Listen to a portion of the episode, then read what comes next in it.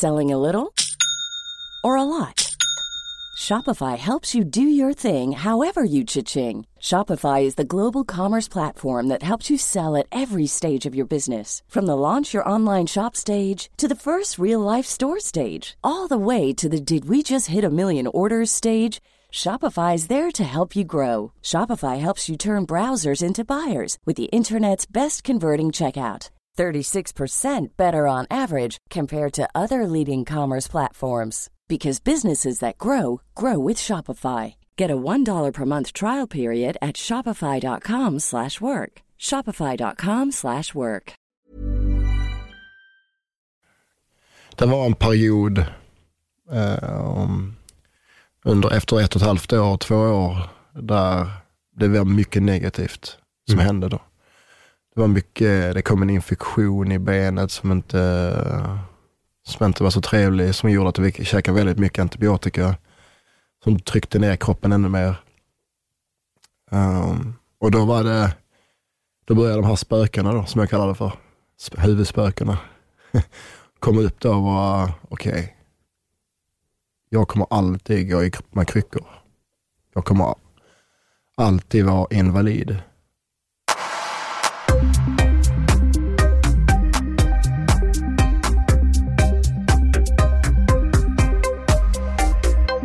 Roger Gillros, välkommen till Öppet sinne. Tackar, tackar. Du blev rekommenderad av en arbetskollega till mig och du och jag fick kontakt igår och det är ju knappt 24 timmar senare så sitter vi här och spelar in podd. Ja, snabba ryck. Verkligen. För du bor egentligen i Norge. Bor i Norge, Oslo, Ja. sen eh, sju år tillbaka. Just det. Och nu är du uppe för, eh, för fitnessfestivalen. Mm. Vad är det du ska göra här på fitnessfestivalen? Uh, imorgon ska jag vara speaker på eh, Norwegian, nej, det var min egen tävling. på uh, fitnessfestivalen Throwdown så ska Mm. jag vara speaker där under dagen och låta publiken få reda på vad som händer. Just det. Och eh, på söndag så ska jag tävla i Crossfit. Hur ofta tävlar du? Allt för ofta. Ja, det är så va? Ja, jag, jag har någon eh, behov, eller behov att inte säga nej. Ska du med och tävla? Ja. Är du, är, du, är du fit? Är du redo? Nej, skit i det. Jag gillar att tävla. Jag gillar att tävla. Är det någonting du alltid har gillat? Ja, men jag har inget behov av att vinna. Nej, okej. Intressant. Ja, ja, det, det är lite intressant. Jag, jag gillar att tävla. Mm. Jag tycker det är kul att tävla. Att utmana mig själv. Framförallt nu. Förr spelade jag fotboll och lite thaiboxning och ting och tang. Mm. Men eh, då var det inte tävlingsbehov. Nu eh, har jag mer tävlingsbehov. Eh, för att utmana mig själv och se var jag är i kroppen just nu. Då är frågan, hur gammal är du? Med tanke på att det brukar vara något man frågar sig själv när man börjar bli äldre. Var Ja. är jag i kroppen nu? Det säger man inte när man är 21, 22, Nej, jag är nu 39, 39. 40 nästa år. Ja, jävlar alltså, Jag lä- 80 ja. Jag längtar. ja. Det ska bli gött att fylla 40. Ja, men det är helt okej. Ja. Jag kan- Du då? Det är du? Nej? Jo? Ja, jag fyller 42. Oh, så. Ja. Ja. Så jag kliver in i, två år in i 40 här snart. Känns bra? Eh, ja, alltså jag personligen, det var ingen så här, vissa får ju kris vid både 30 och 40, men nej, jag har nog Men varit du, ganska du tränar ju trygg. och du, Ja. har, du har fortfarande hår på huvudet och skägg. Och, Precis, Så du har ju och tatuering. Och, så du är ju med i matchen då. det funkar.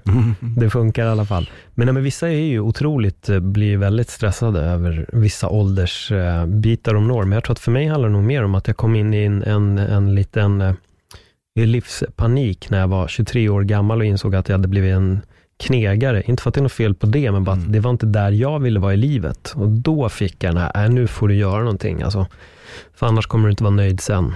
Och då kom förändringen. Men just åldrar är ingenting som har direkt stressat. Jag har aldrig brytt mig. Nej. jag vet inte, när folk frågar mig, hur gammal är du? Är 40. Mm. Ja, nästa år då.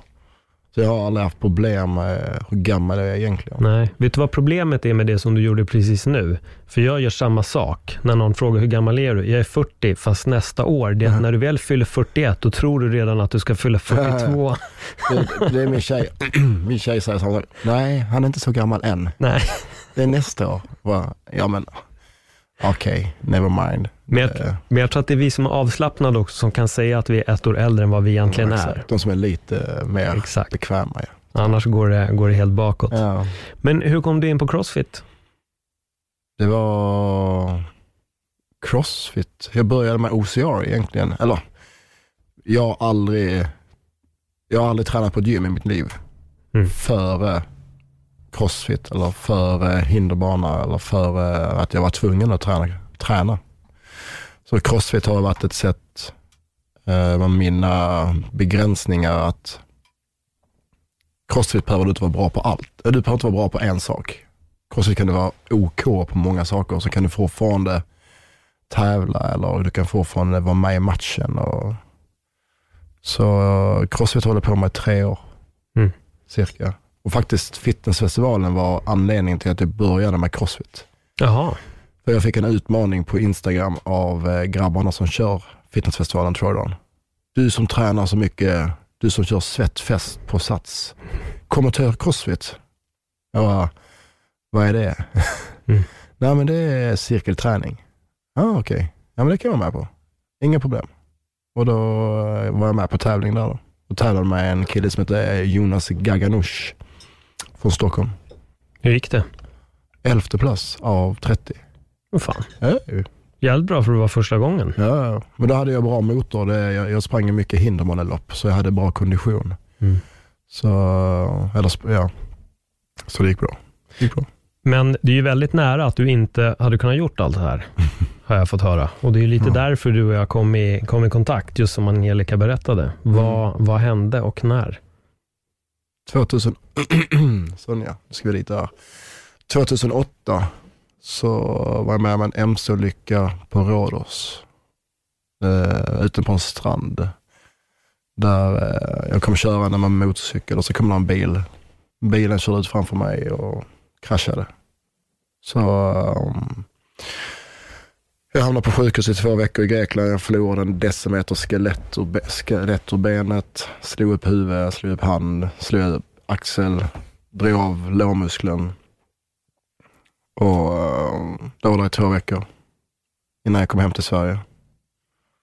Eh, så, så det var en rejäl smäll. Var det någon form av koma eller var du medveten direkt? Jag hamnade i någon eh, smart koma och jag hamnade i någon epileptiskt anfall och jag har inget minne från den viden. Jag slog huvudet rätt hårt. Mm. Så jag fick en hjärnblödning. Så jag har inget minne från självaste hus, eh, sjukhusvistelsen på Rhodos. Mer än det folk har berättat. Eh, och där var jag mest väldigt förvirrad och inte riktigt. Jag, jag bodde tillsammans med en annan en alban som inte kunde engelska. Och, och jag kunde inte grekiska. Han var, kunde grekiska. Men vi pratade hela dagarna. så eh, nej men, eh, så det var en MC-lycka som eh, var grejen för mig. Och efter två veckor så lyckades jag ta mig hem. Det var inte så lätt, för att vara fit for flight. Ja, Hur fan kom du hem? Ja, flyg. Okej. Eller äh, sjuk, eller flyg, flyg, eller vad säger jag? Flygbolaget krävde en fit for flight. Jag hade ju Hoffman-ställning, jag hade en stor metallställning runt hela benet. Jag hade ju bandage över hela huvudet och jag satt i rullstol och kunde inte röra mig. Så, men det slutade med att jag lyckades övertala flygbolaget att låta mig flyga hem. Jag fick tre säten. Och jag övertalade min grekiska läkare att skriva ett fit for flight. Jag var inte fit for flight. Mm. Eh, men jag tänkte om jag kan ligga i sängen här i flera timmar så kan jag väl flyga hem. Men det är inte samma sak. Nej, hur, hur var resan hem? Jag räckte att jag bara skulle bara ta mig in på flygplanet så kände jag att det här kommer gå till helvete. Mm. Jag kommer inte komma hem. Inte en chans. Men så satt en dansk kvinna framför mig som eh, sa till mig, har du ont? Jag bara, ja, ja. Vad fan vill du? Jag har jätteont. Ja men du, inga problem. Ta den här pillen. En sån röd, en röd tablett. Jag bara, jag har tagit så mycket tabletter den här veckan redan så det är inga problem. Jag tog den och sen eh, vaknade jag i Köpenhamn. och då ville jag gå på kryckor. Mm. Ja det är lugnt, jag kan gå på kryckor, det är ingen fara. Jag bara, ja det kör vi, inga problem. Och då väntade sig hela min familj med rullstolar och bår och ambulans och hela packet. Men jag var superhög förmodligen då. Mm. Så den kombinationen där var, den var fungerade då. Fy fan. Vad, hur reagerar familjen när du kom ut? Ja, de, de vis, min storasyster hon flög ner efter två dagar från Grekland. Så hon var ju nere hos mig hela vistelsen. Uh, och uh, så hon höll ju familjen uppdaterade. Men min, min familj fick ju beskedet, att han har brutit benet. Så det är lugnt. Men jag hade ju krossat benet, mist en decimeter, två öppna frakturer, öppet huvud, öppen hand, lår. Så jag var väldigt dålig då. Men när jag kom hem så var jag väldigt glad eftersom att jag var hög. men, eh, men familjen var familjen var starka då. De tog det bra. Det, farsan och morsan och mina systrar och allihopa, de är ju, de, de har ju varit lika starka då som de har varit hela, under hela resan. Som eh, hela vägen till idag. Som har hänt väldigt mycket på, på de här senaste tio åren. Då. Så, ja. Var, jag antar att du besökte läkare ganska snabbt när du kom hem, eller? Ja, första besöket var i Helsingborg på infektionen. Och då sa läkaren att eh, det här måste vi amputera. Oj. De bara, vi kan inte behålla det här benet. Det är för stor infektionsrisk. Eh, det är för ditt eget bästa. Men, eh, och jag bara, men läkarna har ju sagt att man ska bara ta ben från en benbank och stoppa in och sen är allting great. Mm. Nej, nej, nej, nej. Du har en öppen fraktur. Det har varit mycket smuts i det här. Det här, måste, det här kan vi inte behålla. Jag bara, nej men vi måste kunna behålla det. Jag måste få höra en annan läkare. Så tredje läkaren sa att vi kan försöka behålla det. Men får du minsta lilla infektion så måste vi amputera. Och jag hade ju 30 centimeter öppen fraktur med en stor Hoffman-ställning som stack med sex skruvar in i benet och höll fast hela benet. Så det var ju en stor infektionsrisk. Eh, och första målet var ju att få såren att läka. Det var ju att läka, såren måste läka. Om inte såren läker så kommer det komma en infektion förr eller senare. Det tog nästan eh, en månad för såren skulle läka. Hur mycket stress gick du igenom under den månaden? Det, det var, för mig så har det varit, jag är som en person, jag är, jag är, de kallar mig Mr Positiv. I mina, stress, mina mest stressfulla situationer så blir jag lugn och, och, och positiv. Jag vill inte vara en svag människa då. Som, som är jävligt, det kräver väldigt mycket energi. Det tar väldigt mycket, mycket stryk på kroppen. Uh, och uh, det, det är bara svårt att veta hur man ska hantera alla sådana situationer. Då. Eh. Det. Det är inte direkt som att man blir lärd i skolan. Hur Mm. man ska eventu eventuellt hantera den här typen av stress och press. Nej, och det är kanske något som borde finnas om man ska hantera tuffa situationer i livet. Då. Mm. Det är någonting kanske som borde vara där. Jag var ju så här, lite så här, nu ska jag ta min skada på ett bra sätt. Jag ska vara den som är framåt, jag ska vara driven, jag ska vara, nej, jag har varit med om en MC-olycka, ha ha ha, mycket folk runt omkring mig. Jag ska vara den coola, den coola invaliden då. Jag rökte, som det gjorde man ju back in the days. Sånt, sånt gör man inte längre då. Och då sa läkaren till mig, nej men det är på grund av din rökning som du inte läker. Ja men sluta, den där gamla klyschan funkar inte på mig. Ja men det är sant. Det, var- mina sår vägrar ju läka. Mm. Det gick inte, det var, allt läkte utom den sista biten. Det bara stod där och bara bubblade om dagarna. Då sa jag till henne, "Nej, men okej, nu ska jag visa dig att inte det fungerar med rökningen. Så jag slutade röka. Efter en vecka så hade, hade såren slutit sig, helt och hållet. Åh fan. Så det var så här, what? Mm. Kan rökning ha, ha med det att göra? Och sen dess har jag aldrig rökt. Inte ens bloss, inte någonting, minsta lilla. Så rökning är inte bra då. Jag kan förstå när du ser det på, på det sättet, Mm. att du får se alltså, ett sånt Ja, men, konkret resultat snackar- på en gång. Vi hade ett, ett sår som var 30 centimeter långt. Mm. Allting läkte förutom mitten. Och då var det bara, ja det är så nasty då. Och det vägrar läka. Det bara stod still. Och bara svällkörtlar och det, det var bara väldigt otrevligt. Och jag var på besök varannan dag hos sjukhuset som rengjorde såren, rengjorde såren. använde Lapisal, skrapa, fixa, gjorde allt för att det skulle läka. Ingenting hände. Och sen bara på ett par dagar så bara torkade det och försvann. För att blodcirkulation och allt möjligt. Då. Så don't smoke. Nej, verkligen inte. Ändrade du någonting kostmässigt också? När du väl såg liksom att rökningen... Kolla. Under, jag satt i rullstol ett år. Mm. Gick på kryckor i tre och ett halvt år.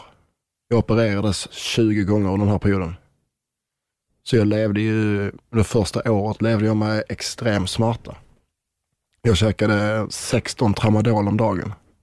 Tre tramadol varje, varje tredje timme plus Panodil. Så min mat jag åt, det var godis och ja, Mm. Ty- typ that's it. Jag vägde 58 kilo. Och jävlar. Och då är du också 1,93. 1,93 lång. Efter två år så vägde jag 58 kilo. Mm.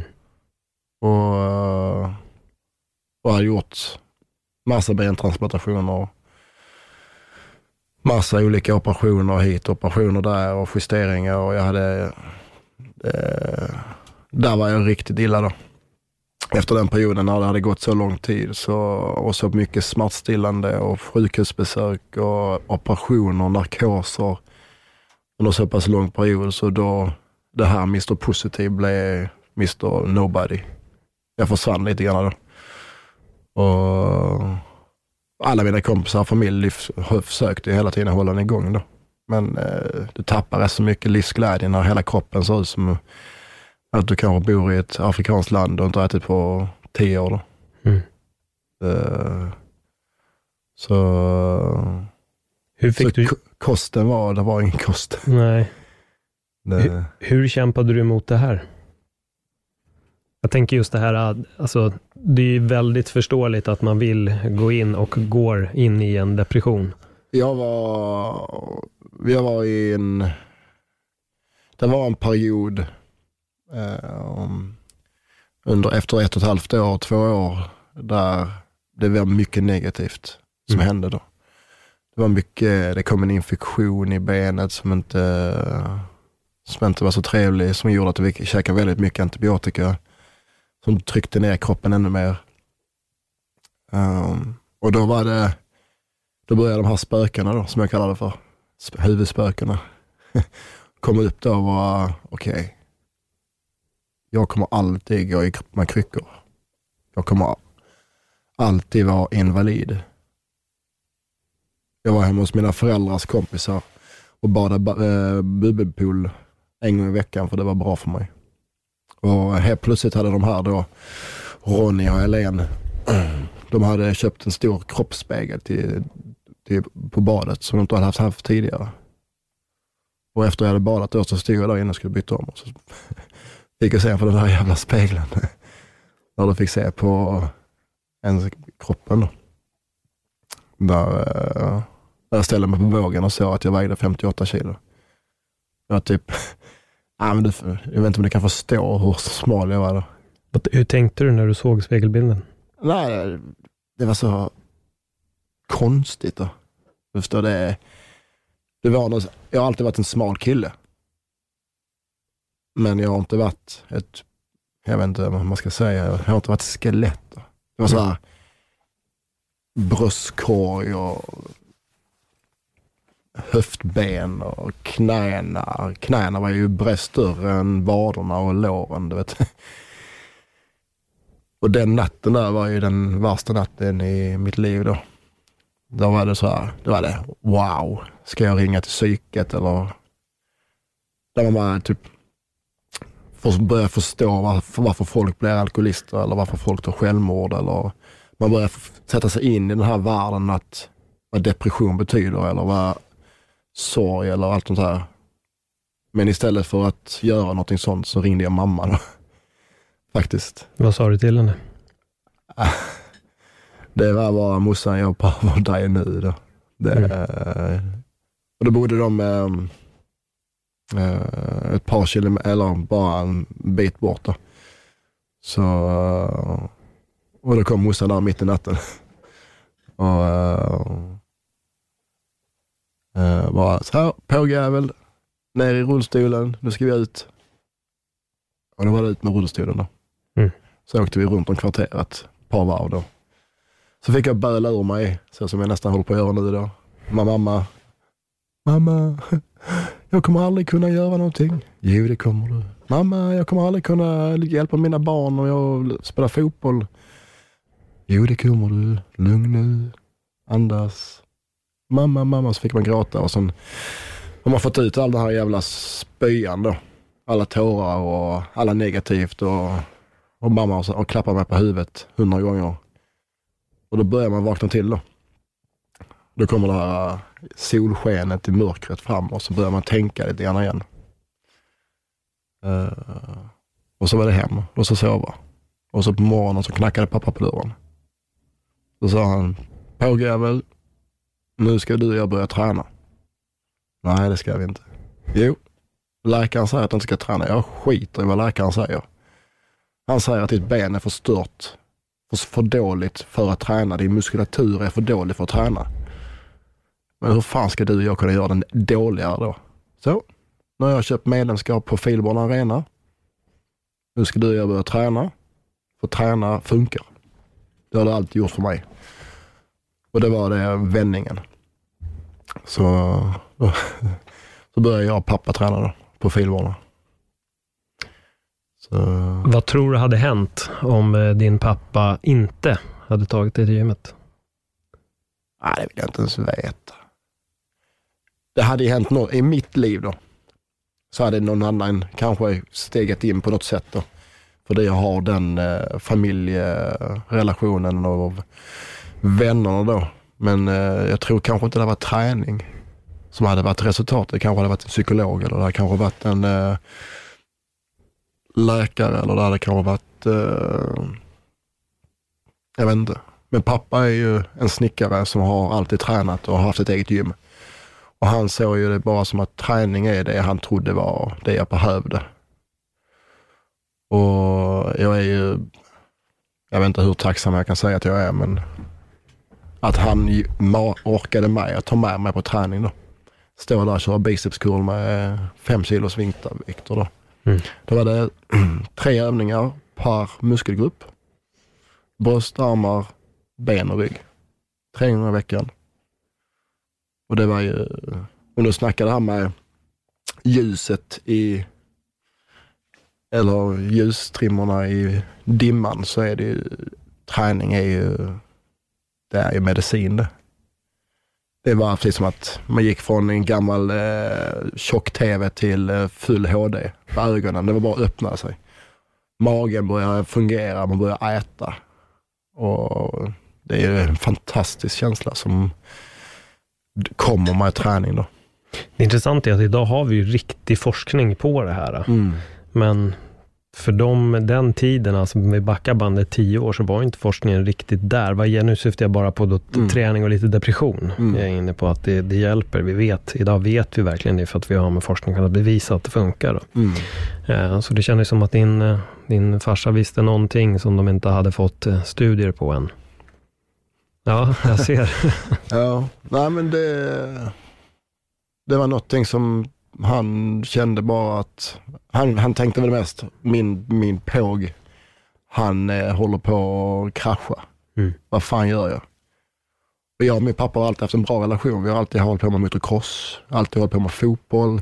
Pappa har alltid varit på alla matcher, alla träningar, alltid på crossen. Så det var väl att han ville säga, okej vad kan jag göra för min son som han kan klara av? Okej, alla, kan, alla kan ju träna. Det finns ingen människa i världen som inte kan träna. Mm. Det finns ju alltid något man kan träna. Och blodcirkulation, träning, så, så det var starten på ett, ett krav, ett tvång, som idag blir en livstid. Då. Vad sa läkarna när de fick höra att du hade börjat gå och träna? Nej, men han, han var ju helt frustrerad. Han sa till mig, Roger, du kan inte träna, du ska inte träna, du kommer aldrig kunna gå utan kryckor. Du kommer alltid gå med kryckor. Du måste acceptera ditt öde, annars blir du deprimerad. Jag bara, nej men, jag kan gå på kryckor hela mitt liv, fine.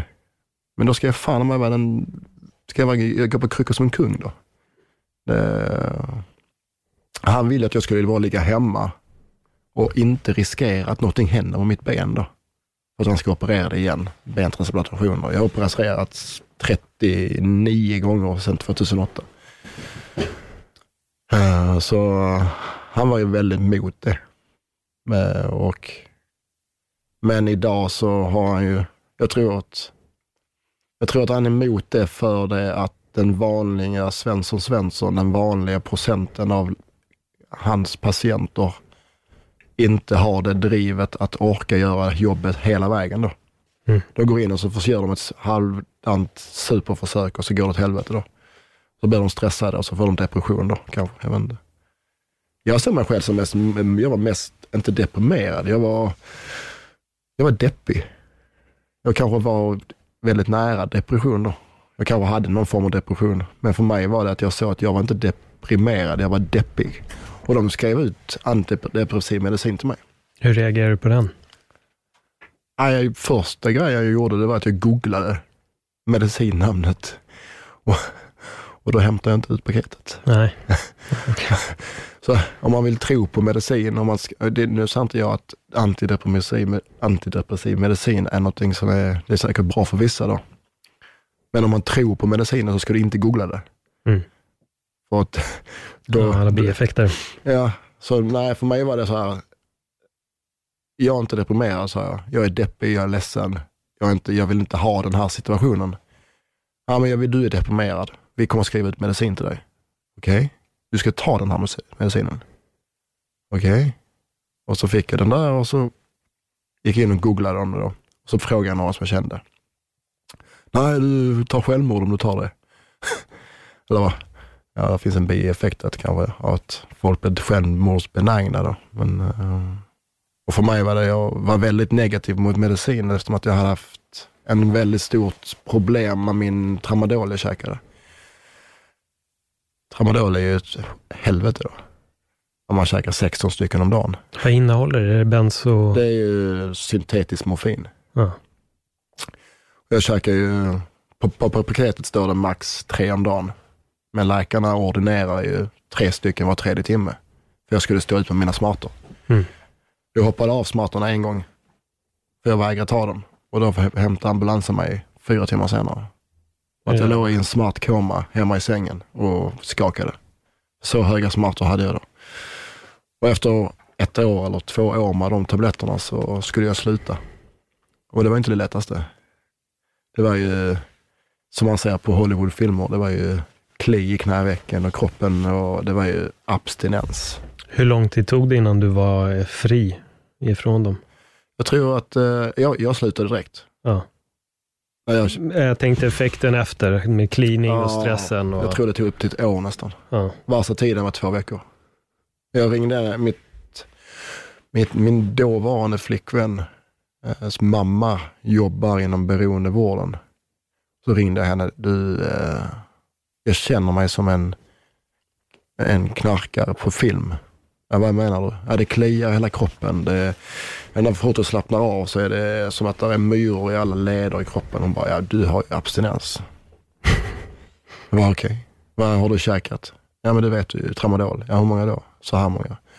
Hur länge då? Jag bara, du är ju, du är ju beroende av morfin. Beroende? Jag är inte beroende för någonting. Vad snackar du om? Jo, du är beroende. Antingen så har du ett helvete i ett par veckor, eller så får du trappa ner. Mm. Nej men det är lugnt, jag, jag, jag stoppar nu. Men jag stod där på natten, tittade på skåpet, tittade på paketet, och visste att tar jag två stycken så är det chill. Så är det lugnt. Men då är man ju, då gör man någonting som man inte vill göra. Det, ska, det är det som är problemet. Jag vill inte att någonting som ska berätta för mig eller någonting som ska bestämma över mig. Så när jag tog alla de där, men det var ett rent helvete då. Hur var din situation här? Var det kryckor eller var det rullstol eller båda två? Det var båda två. Mm. Det var en sån mix. Hemma var det, hemma var det ju både rullstol och kryckor och hoppade runt på ett ben. Och, men här var det mest kryckor tror jag, har jag för mig. Det är en rätt så luddig period. Mm.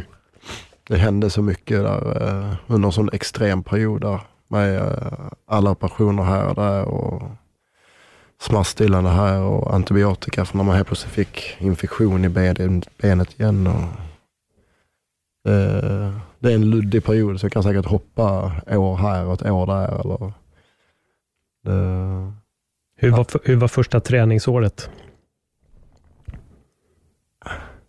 om man tror att morfin är beroendeframkallande så är fan träning ännu värre. ja, jo. Ja, det är, det är, det är, jag minns det så väl. Det är en så sjuk period. Mm. Från att du sitter stilla som ett skelett och inte kan orka gå tre meter till att du börjar träna. Du kör tre gånger i veckan. Jag börjar äta, börjar äta och äta. Du går upp i vikt. Du går upp 10 kilo på, på, på månad, två månader. Bara ökar hela kroppen och sen börjar träna och sen bara, jag vill träna mer, jag vill träna mer. Första, efter första sex månaderna, då körde jag tre, fyra dagar i veckan, fem dagar i veckan. Det var som att min kropp bara älskade träningen. Och um, vi tog hjälp av en som heter Tor, eh, som var en av de första crossfit-coacherna i Sverige, tror jag. En av de första. Han hade lärt sig det här crossfit. Då. För jag behövde någonting som skulle göra mig trött. Eh, och eh, Då fick jag testa crossfit. Sådana AMRAPs och sådana grejer. Då. Men det visste inte jag vad det var. Och det är inte från nu i efterhand som jag kopplat tillbaka till att fan shit, det var ju crossfit vi körde då 2010 eller 9 eller vad det nu var. Men första året var, jag tror jag gick upp, eh, upp till 80 kilo, 85 kilo. En helt ny människa. Mm. Positiv. Åt som en, fråga mina föräldrar, åt allt för mycket mat. Träning blev ett beroende. Jag levde för träningen. Det var verkligen såg fram emot vardag, upp och träna. Körde dubbel, körde trippeln. Trippeln var två pass, eh, två gruppträningspass och eh, ett pass på gymmet. Cykling, boxersize och gymmet. Så det blev... Och i samma veva som det så började jag posta på Insta, på Facebook då, checka in på gymmet som var någon grej då, back in the days. ja.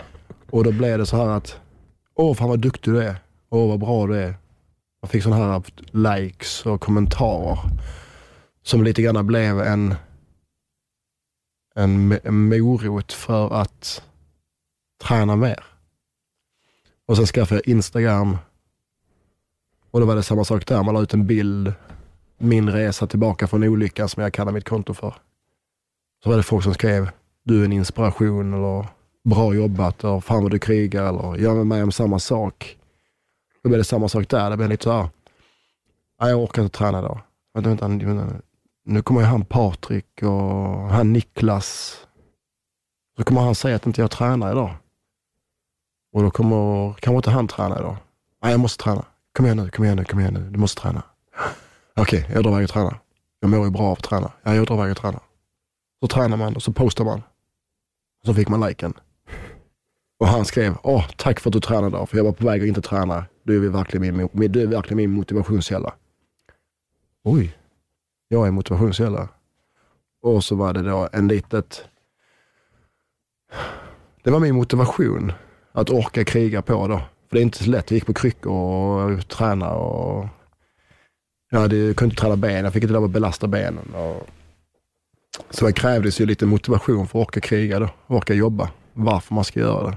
Och sen kom det ju de här biceps och magrutor och alla sådana där bonusgrejer. Som var en, ja, nice.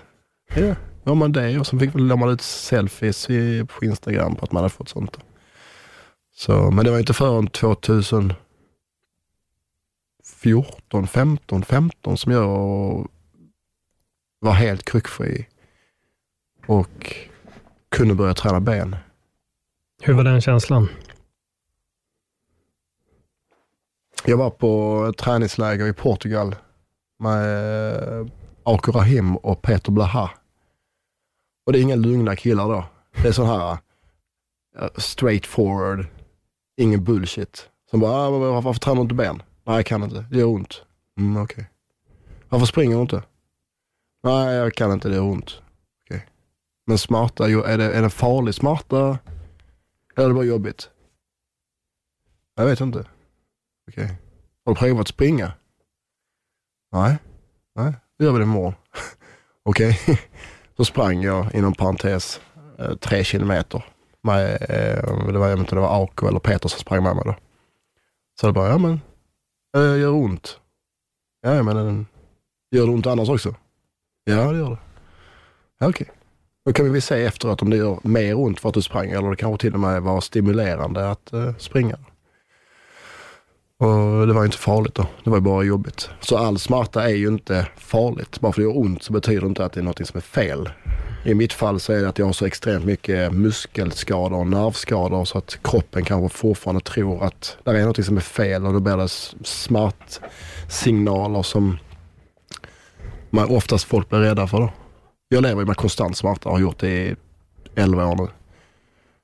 Och jag har ont om jag ligger hemma i sängen. Jag har ont om jag är tränare. Men skillnaden från att ha ont efter att ha tränat är att när jag ligger där och har ont efter träningen så är det så här, ej. Det är en belöningssmärta. Mm. Det är lite grann så jag ser det då. Jag sätter mina smärtor i olika perspektiv. Och det är, nu har jag ont för att jag har varit och tryckt på på träningen, men jag gjorde det, jag kom så pass mycket längre fram, jag lyfte det, eller jag lyckades springa fortare, eller jag lyckades, whatever då. Eller att jag bara har tränat och mår bättre av träningen. Och då kan jag ha ont. Det gör ingenting. Det, det är värt det. Men att ligga hemma på soffan och känna att man blir bara sämre och sämre. Inte starkare, inte fittare, inte bättre kondition, inte bättre för huvudet och ha ont samtidigt. Det, det är inte värt det. Då. Hur tacklar du det här med smärta idag? Det verkar som att det är rätt lugnt, men finns det dagar då det liksom blir ändå jobbigt? Det är dagar som man blir, spökena börjar komma, de dyker upp och man blir negativ och man undrar om man ska orka göra detta vidare då. Ska jag ha det så här hela mitt liv? Och fram till ett och ett halvt år sedan så hade jag en liten, ett litet skydd då. Nej men det är lugnt, det är lugnt. Jag hade alltid det här, eh, när jag inte orkar ha ont längre så hade jag tankarna som sa, nej men det är lugnt. Snart ska jag göra en ny operation som kommer att rädda mitt ben och kommer att ta bort min smärta. Jag hade alltid en operation planerad. Ett år framåt, ett halvår framåt, ett och ett halvt år framåt. En ny magisk operation som ska rädda, fixa allt. Men ett och ett halvt år sedan gjorde jag den operationen som skulle fixa allt. Och då lyckades jag få infektion i benet. Så jag gjorde nio narkosoperationer på tre veckor och låg inlagd på sjukhus i sex veckor och gick helt åt helvete. Och som är en story i sig då. Men eh, efter den operationen så sa läkarna till mig att det finns ingen läkare i världen som kommer operera ditt ben igen. Om inte du håller på att dö. För att nu har vi varit inne 39 gånger det benet. Mm. Och nu är det tyvärr så att det kommer inte finnas någon annat om inte det kommer något mirakelgrej i framtiden. Och även om det sätter ett punkt i livet på att nu vet jag det. Nu lever jag med min situation. Nu är det här så här jag har det. Det kommer inte någon eh, dunderläkare och fixar allting. Som är, är skönt på ett sätt att få ett punkt i livet. Man inte hela tiden strävar efter något annat.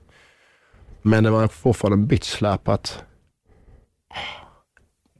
nu, nu kommer det ingen. Det är ingen planerad mirakeloperation som ska kanske göra det bättre. Nu är det som det är. Nu måste jag jobba med det. Hur är benet idag? Jag tänker, alltså, vad består ditt ben av, rent krasst liksom? Ja, nu är det ju, nu är det ingen metall i benet. Eh, och benet är ju läkt eh, skelettmässigt då. Två tår som är stortån och dik två, eller tån sidan om stortån, är stelopererade med skruvar i. Och fotleden är väldigt hopastramad. Men annars så är det metallfritt. Mm. Och ben som kommer från höften då som har puttats in och, byggts, byggts upp genom sex stycken eh, bentransplantationer. Som är ett helt helvete. Ja, det förstår jag. Eh, det gjorde inte jag. Mm. Jag tänkte bara, ja, men ta lite ben, stoppa ner det där, skruva fast det. Men nej, nej. Höften sitter allt. Mm. Hosta, pissa, nysa. Nysa var, okej okay, nu dör jag. Så ont gjorde det. Jag har gjort sex sådana så att, oh, nej.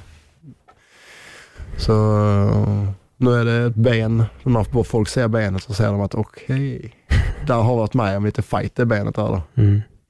Så jag har ortopedläkare som kan stå, stanna upp. De bara, what? Vad, har hänt? Så det är ett litet konstverk, benet då. Ja, du får visa benen när vi har spelat in klart. Jag ska visa benet för dig. Ja, Precis. Men benet är ju svagt då. Det är, det är mitt svagaste grej i hela kroppen, det är ben då. Mm. Att jag har dåliga rörelser i anklen. Jag är fortfarande, du kan tänka dig detta benet rörde inte på sig på ett och två år. Noll. Ingen belastning, ingenting. Och det bara försvann. Det gipset jag hade back in the days förde jag på underarmen idag. Och jävlar, Ja. då har man varit haft småven. Ja, så jag har fortfarande, i min träning så är den svagaste sidan är benstyrka. Mm. Så, och min starka sida är gymnastics, gå på händer och allt sånt där. Så det, För att du har lätta ben. ja exakt, Nej, bra där. Bra, bra, bra. Men jag tänker lite på läkaren som eh, tyckte att, eh, eller som var så säker på att du inte skulle kunna gå utan kryckor eller Mm. rullstol och allt det här. Vad, vad sa han när han började se alla resultat? Nej, men, även om jag har ett extremt stort irritation mot honom så är det fortfarande han som har räddat mitt ben då. Mm. Och det var en sommar, jag hade sommarfri från operationer. En hel sommar, sex månader nästan. Men efter sex månader så skulle vi göra bentransplantation igen. Och han var väldigt barsk och hård där. Och han sa att eh, du ska göra minst tre operationer till med bentransplantation innan vi fyller upp det här benet. För ditt ben tar inte åt sig eh, eh tar inte åt sig det vi sätter in så bra. Och då eh, hade vi en sommar helt fri och jag var nere i Grekland och mådde jävligt bra. Jag tränade och levde gott, var positiv och fick mycket sol. Så när jag kom tillbaka där och skulle möta min sura Dr. Frankenstein som vi kallar honom för. Nu ska se bild på honom sen. Han ser ut som Dr. Frankenstein. Eh, och kom tillbaka. Och så var han lite så sur. Ja, nu ska vi på röntgen och jag ser att du har varit ute och eh, rest. Ja, du ville jag skulle resa och ha det bra då. Ja, mm, okej, ska vi se hur det gått med benet då. Hans projekt. Det var ju eh, huvudvärk för honom då, det här benet. Så kommer han tillbaka och bara, ja, det har läkt. Jag bara, vad var det läkt? Ja, benet är läkt. Kolla. Och då hade det grott massa ben då av den typ bentransplantationen tidigare helt plötsligt. Det, och han var helt plötsligt en, nej du kan börja belasta. snart." Jag bara, va? va? Belasta benet? Ja. nej, jag vet inte vad du har gjort. För att eh, allting har läkt. Det ser jättebra ut. Du behöver inga fler bentransplantationer. Jag bara, vi har ju tre planerade. Vi ska göra en om en vecka. Nej, jag har, st- jag har stängt av den. Jag bara, va? Och då var det må bra, träning, sol, mat, positivitet. Som jag tror då. Och det enda skillnaden jag har gjort, det var att jag tog verkligen en paus och bara slappnade av. Och, så det var ju en ny Dr. Frankenstein vi fick träffa där. För mig känns det som att det här är ganska vanligt när det gäller den västerländska vården. Man Mm. tänker operation, vad man ska eventuellt sätta in, men man glömmer kanske punkten som du själv säger, må bra. Mm. Kanske att må bra kan läka dig mycket mer än att man går in och gör ingrepp på ingrepp på ingrepp. För du är, Mm. du är inte första som kommer till min podd som har råkat ut, din skada är mycket extremare, men du är inte den första som har fått höra en sån här grej. Men då liksom den här härliga envisheten på något sätt om att jag kan bli bra igen. Mm. Har också fått de personerna att bli bra. Medan de som då har lyssnat på läkaren som säger ta det jävligt lugnt så att det inte blir värre. Ja, de gör ingenting och de kommer också att bara må jävligt dåligt. Men det är inte så lätt att gå mot en läkare. Nej, såklart. Överläkare på Malmö Såklart. sjukhus. Mm. Om han sa till mig någonting, då gör man som han säger. Annars är man en rebell och jag har alltid varit en rebell. Mm. Jag då. Men jag tror att 99% av alla andra inte är rebeller då. För det hade varit en konstig värld då. Och likaväl som man kanske, sk- vissa människor ska lyssna. Det kanske inte alla människor som ska pressa sig för att de kanske inte har de förutsättningarna. Eller, men det, det, är inte, det är inte lätt då att gå mot och våga köra sin egen runda eller bara be om ett andra utlåtande. Och det har du rätt till. Mm. Sverige har du rätt till, ja, nej jag tycker att du är, det är en bedömningsfråga. En bedömningsfråga av en person av sin upplevelse som läkare.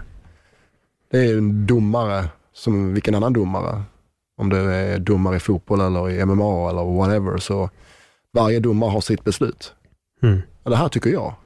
Men så går du till nästa domare och säger, nej men det här tycker jag. Det här funkar. Det var som med min senaste operation. Jag fick gå igenom sex läkare, för någon, till sist den sjätte läkaren sa, ja jag vill, du kan göra den här operationen. För jag hade en idé i mitt ben som jag skulle göra att jag hade mindre smärtor. Men alla läkare sa, nej det är för stor operation. Nej, det är för komplicerat. Nej, det kan vi inte. Nej, man kan inte göra så. Nej, ingen har gjort det. Till sist kom jag till en läkare som sa, hmm, det skulle funka. Det är ingen som har gjort det, men vi kan testa. Om du är, om du är villig att testa så ska vi testa. Nej, det är bara lite otur att jag fick infektion då. Mm. Eller en bakterie fick jag. Gul stafylokocker heter den. Ja, mördarbakterier som, som man ser äter upp muskler. Hur blev du av med den? Massa antibiotika eller? Ni, nio narkosoperationer och Mhm. eh, massvis med antibiotika. Mm. De eh, hade en vakuumpump som sög bort allting samtidigt och det var kaos. Då. Så det, men det var ett och ett halvt, två år sedan. Hur fan har du bitit igenom alla de här operationerna? Det är min fråga. Operationer har ju varit... Jag har ju sett fram emot alla operationer. Och, och det är... Det, det är slitsammare än vad många... Eller, nu är jag ju förstörd. Jag har gjort 39 operationer på 10 år. Det, det är så många gånger inför en vanlig människa. Jag, jag, få människor som har gått igenom en operation. Mm. Eller blivit nedsövd. Och det är man har en stött apparatur runt omkring sig. Jag har min familj, min familj, eh, mina, min familj och, och ett x antal vänner är nyckeln till att jag är där jag är idag. 100 procent. Från att jag har varit i Norge, mina vänner i Norge, till mina vänner i Sverige, min familj i Sverige, min familj i Norge. Det är bara det som, jag, som orkar driva en igenom. Utan familjen så hade jag varit en pundare på gatan eller, eller kanske inte funnits idag. Det jag tror det är svårt. Det är krig, att kriga, det är kriget själv. Det är, det är, så familj och vänner är svaret på frågan. 100 procent. Vad säger de om din resa idag? De är ju de är nog lite mer medvetna om resan än vad jag Jag är den här snabba svaren då. Ja, fan har hänt med ditt ben? Ah, jag är så lyckad. Satt i rullstol ett år, gick på kryckor fyra år, gjort 39 operationer. Inga konstigheter, nu gör vi muscle ups. Mm. Men sen när man backar man tillbaka då, ja men Roger, lugn nu. Det, är så, så, det har ju varit lite mer än det. Ja, det har det varit. Och de får mig att jag tränar ju med de bästa människorna i crossfit i Skandinavien.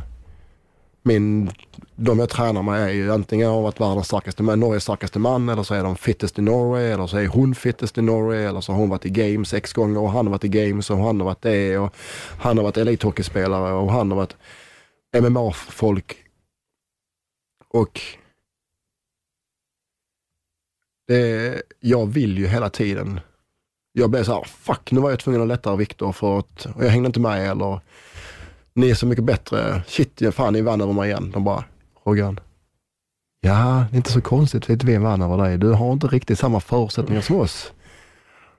Men du var inte långt efter, så att det är rätt irriterande för oss som är fullt friska att du jagar oss och, blä, och andas, blåser oss i nacken då. Så så ja, de eh, får mig att förstå min situation då, lite bättre. Ta ner mig på jorden då. Mm. För jag kasar iväg att jag blir irriterad för att inte jag klarar mer. ah, fan nu klarar jag bara det och jag klarar inte så. Du är dubbelt så stark som mig. Jo men, jag har inte varit med om någon olycka. Jag har aldrig opererats. Jag har aldrig brutit ett ben i mitt liv. Ja, ja, ja visst ja, det var det också ja. Men du tror inte att det är det som kanske ger dig också det extra drivet i bakhuvudet? Att det ligger där? Jo. Det, du vill det, inte halka tillbaka? Nej, jag, är- jag är ju livrädd för att bli mindre funktionell än vad jag är idag. Jag ska ju ha familj någon gång i framtiden. Jag vill ha barn. Jag vill vara som min pappa, stark och bu- bara oss när vi skadar oss och lyfte och ja, vara en stark pappa. Och den dagen jag blir pappa, om jag blir pappa, det är ingen självklarhet, så vill jag ju vara det. Och det är ett driv hos mig då. Och mitt sätt att testa det är ju lite grann att tävla då. Var är jag? Och fuck, nu är jag i riktigt dålig form. Mm. så jag fick en, jag gifte mig i somras och startade en massa tävlingar och crossfit-tävlingar. Och, och jag tog en period med mindre träning då. Och så tävlade jag helt plötsligt på Gotland, Battle of Gotland. Jag tänkte, äh, jag är med i matchen, jag klarar det. Nej, jag var i eländig form då. Så jag sa, okej Roger, fokus. Nu är jag tillbaka till träningen. Har jag tid till det? Jo, jag har tid till det. Så tränar jag en timme om dagen. Och så helt plötsligt så blir jag, kommer jag tillbaka i form då. Och allting blir bättre. För mig blir det i alla fall. Jag får ordning på saker och ting. Mm. Jag får en bättre driv i arbetet och bättre fokus i arbetet. Och så äter man mycket bättre. Jag ska fråga en liten uh, udda fråga. do it. Drömmer du Oh. om eh, situationen, både olycka, rullstol, 50 kilos kroppen?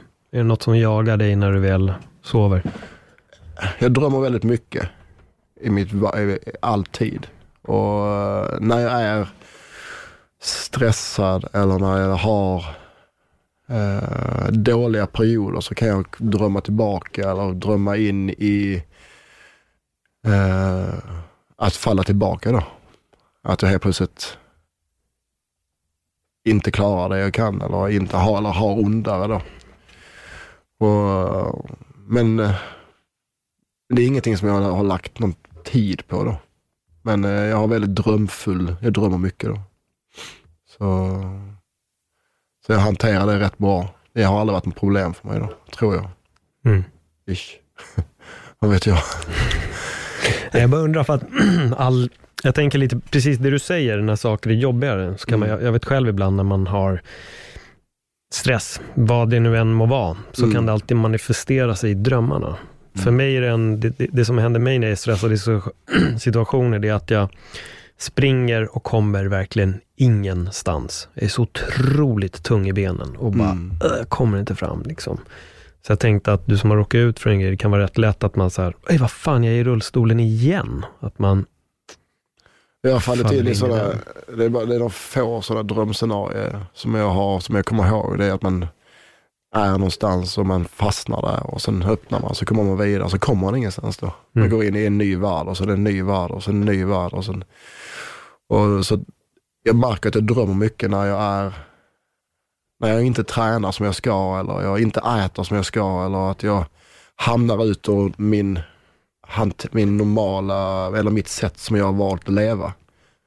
Uh, och jag lite grann går emot det.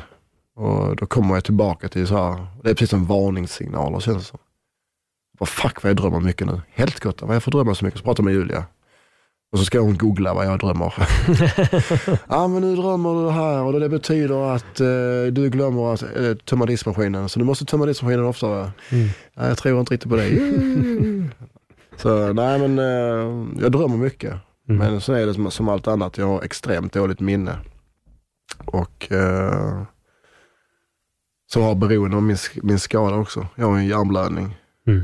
Eh, så jag glömmer bort mycket. Ja, det har satt sig på.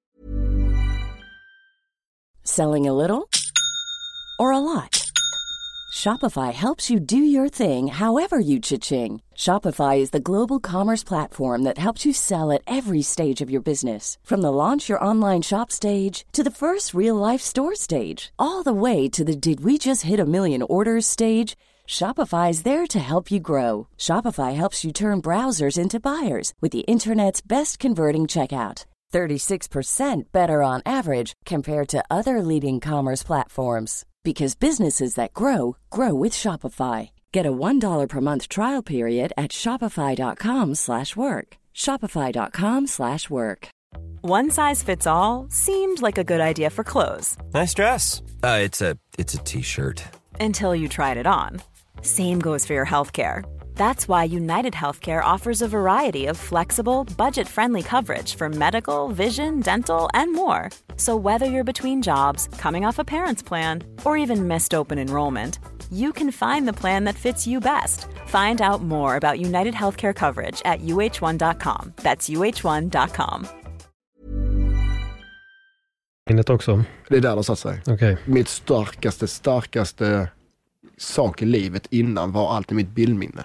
Mm. Alla hatar mig för att på fyllan eller på fest eller allting, jag minns allt. Det var bara, du hade på dig det, det, det, det, det, det. Du hade, alla hade behövt sig det, den färgen där, allt, allt. Nu är den borta. Bildminne finns inte. Mm.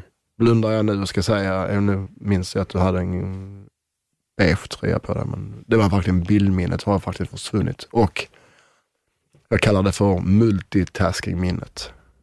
Att det är det du jag pratar om nu och så frågar någon annan mig någonting. Så tittar jag bort och så tittar jag tillbaka till dig och så bara, vad fan pratar vi om? Mm. Och det är irriterande då. Lite som närminnet. Närminne ja. Och det är närminnet när någonting distraherar Visst, mig. Och det bara, det var borta. Det är så här, Mm. det finns inte. Men så säger du det och så, oh, där var vi. Tack, så tillbaka. Och det är något jag jättemycket jobbar med. Är det någonting du jobbar med? Väldigt mycket. På vilket sätt då? Alla sätt. Jag testar allt. Med allt från, eh, jag har olika appar, Wonder, Wonderlist och jag har eh, påminningar, jag har haft, jag smsar mig själv. Jag me- eh, ber, om du ber mig göra någonting, Roger, glöm inte att skicka din mailadress till mig. Skriv det till mig. Mm. Ja, men det är, du, ska, du ska skicka dem en minut. Skriv det till mig. Messenger, bara skriv det till mig. Okej. Ja, men jag har minnet. Så jag jobbar mycket med att testa, testa nya saker hela tiden. Och hur jag ska hantera det. Och med mycket upprepning. Upprepning, upprepning. Likadant, jag skulle träffa dig idag. 1700 ska jag dit. Mm. 1700 ska jag dit. 1700 ska jag dit. Vad ska jag göra där 1700? Det ska jag göra 13, det ska jag göra 15, det ska jag göra 17. Så går jag så under dagarna då. 15, 13, 17. Som de här siffrorna ska Just det. betyda någonting. Så när jag kollar på klockan 16.30, då är hon snart 17. Vad hände 17? Oh, 17 var det. Ja, okej. Okej. Så det är man, jag, jag driver ju två egna företag. Hur går Och- det? Det går ju rätt bra då. Men jag driver det mest, mesta delen är, jag sköter det mesta själv. Eh, I Aktivitet Norge då som är mitt primära arbete, eh, där jag arrangerar crossfit-tävlingar och andra event, så är det baserat mest på mig. Och sen har jag ansvarspositioner nu idag när det har blivit så, så pass stort, så jobbar med personal eller sådär. Men då, om jag sköter det själv så sköter jag 100% själv en, produkt, en, en sak inom företaget. Men om jag delegerar en uppgift, då delegerar jag 100%. Så är det bara typ, om du, till jag har en staff coordinator som heter Astrid. Hon sköter allt med personal. Så om du frågar mig, många personal har du? Frågar Astrid. Jag vill jobba, frågar jag Astrid. Det är verkligen no. Annars funkar det inte. Mm. För det jag rör i måste jag ha min röra på. För att om du skulle in och titta på min, mitt arbetssätt så skulle du inte fatta noll. För att jag har mitt sätt för att hålla det levande då. Eh, men eh, det funkar ju. på mitt sätt. Och min eh, cowboy, min uh, High Chaparral-drift. Men det funkar och det går ju bra då. Mm. Eh, och jag spelar mycket på min personlighet och jag berättar för folket. Du, så du vet om det, jag har ett möte med Reebok till exempel, huvudkontoret. Jättestort möte. Jag bara, allihopa, jag heter Roger, jag har fett dåligt minne. Det är ingen bullshit. Så när ni vill kontakta mig, när ni ska ha någonting jag ska göra, så måste ni mejla mig. Ni måste skicka mail, sms, messenger. Det här vill du ska göra. Du kan inte bara säga det över telefon, du måste skicka det. Allting måste sk- skickas för annars blir det inte gjort. Mm. Och när man är öppen och ärlig från start så köper folk det då. Ja, det kan jag tänka mig. Det vore ju rätt nonchalant att inte köpa det. Ja men det, jag döljer inte det. Nej. När jag tränar, jag bryr mig inte. Jag, jag, jag, jag har min situation. Det är så här jag har det med mina skador. Om jag åker och tränar med vem det än är, om jag tränar med någon som är proffs eller någon som är dålig. Det, här är mina förutsättningar.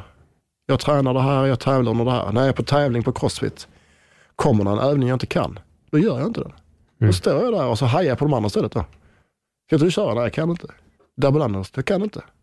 Min fot blir helt förstörd. Jag har en nervskada i foten som gör att hoppar jag double unders så kommer den till 99% säkert varenda gång. Och då kan jag inte gå på två, tre dagar. Då. Så Mm. jag bara, men, eh, då står jag och hajar och kör high five och tar selfies. Och det bara, man måste vara, jag, jag kör öppna kort. Annars funkar det inte. Jag kör öppna kort 100%. Mm, Jag tänkte inom crossfit-världen, är det någon polare någon gång som försöker lura dig på sätten och säga att du har gjort en istället för tre eller något sånt där? Jag försöker ibland.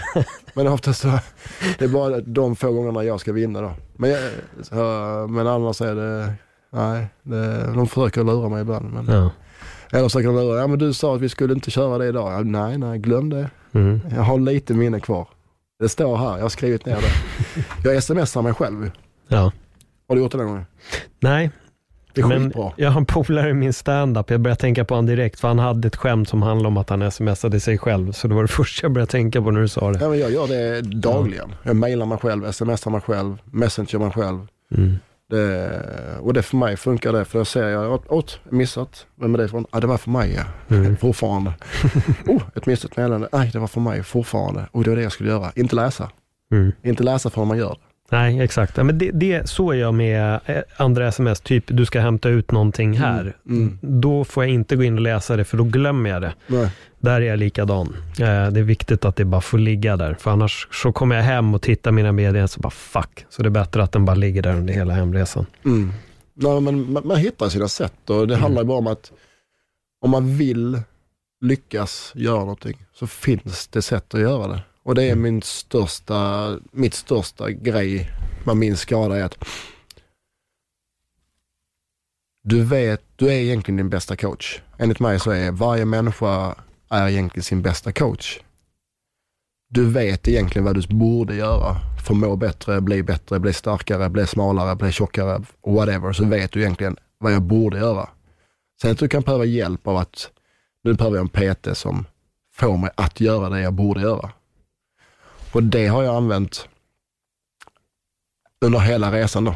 Vem behöver jag nu? Till exempel den stunden jag berättade om när jag låg i sängen och började tänka dumma saker då. Nu behöver jag någon, jag behöver hjälp, jag behöver hjälp. Vem, vem kan hjälpa mig just nu? Mamma. Då ringde jag mamma. Andra gången så har jag ringt en kompis. Andra gången så har jag ringt en eh, psykolog. Nästa gång har jag ringt en PT. Nästa gång så ringer jag, det gäller bara att tänka efter sätta sig ner. Nu behöver jag hjälp. Vem kan hjälpa mig? Och, eh, och då finner du det. Nu behöver jag göra, det här måste jag fixa. Hur löser jag det? Och, och det är det som har gjort att våga be om hjälp, det tycker jag är jätteviktigt. Då. Har du sökt dig mycket till psykologer under den tiden? Inte en enda gång. Ingen gång. Jag har aldrig fått erbjudandet heller. Jag var hos en arbetsterapeut efter eh, nu i Norge. Eh, för att eh, hantera med den perioden när jag hade bakterien i benet. De här nio narkosoperationerna. när jag låg på sjukhus i sex veckor. Då var jag sen en, hos en arbetsterapeut, psykolog-ish variant. Och hon visste inte vad hon hade gett in på när hon fick in mig sådär då. Hon bara, ja. När hon började rota i hela mitt tio år av skit så var det, så var det nog lite för mycket för henne då. Och jag tror att jag skulle mått mycket, mycket bättre idag. Eller kanske- kanske eller resa, jag kanske hade varit längre fram om jag hade haft hjälp av en psykolog. Jag tycker det är konstigt idag att inte läkare hade, har rekommenderat eller har mer eller mindre fått mig att gå till psykolog med tanke på det som hände då. Det är inget du vill söka dig till idag? Jag har funderat på det, jag har haft tankar på det. Eh, men uh, saker och ting får mig att, av någon anledning så känner jag att jag inte har behovet. Och jag har inte tiden som jag tror det krävs för att en psykolog ska förstå mig. Jag tror, jag, jag tror det krävs massvis med timmar. Mm. Och jag vet inte ens hur jag ska börja. Du är inte orolig att det här kommer bubbla upp förr eller senare? Men det, för, det, för, det, för mig finns det finns två typer kategorier människor. Det finns de som kan prata med sina vänner. Det finns de som inte kan prata med sina vänner. Jag får en känsla av att du är den som kan, men du sitter här, du pratar om det. Uppenbarligen kan du snacka, snacka om det här. Mm.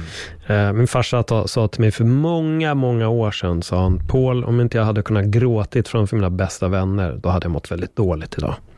Och det är en bra lärdom som jag fick av min farsa, att så här, våga prata med sina vänner, våga öppna upp sig om, om sina känslor. Och jag tror att gör man det, då tror jag att man kan eventuellt klara sig från att kanske behöva gå till en psykolog.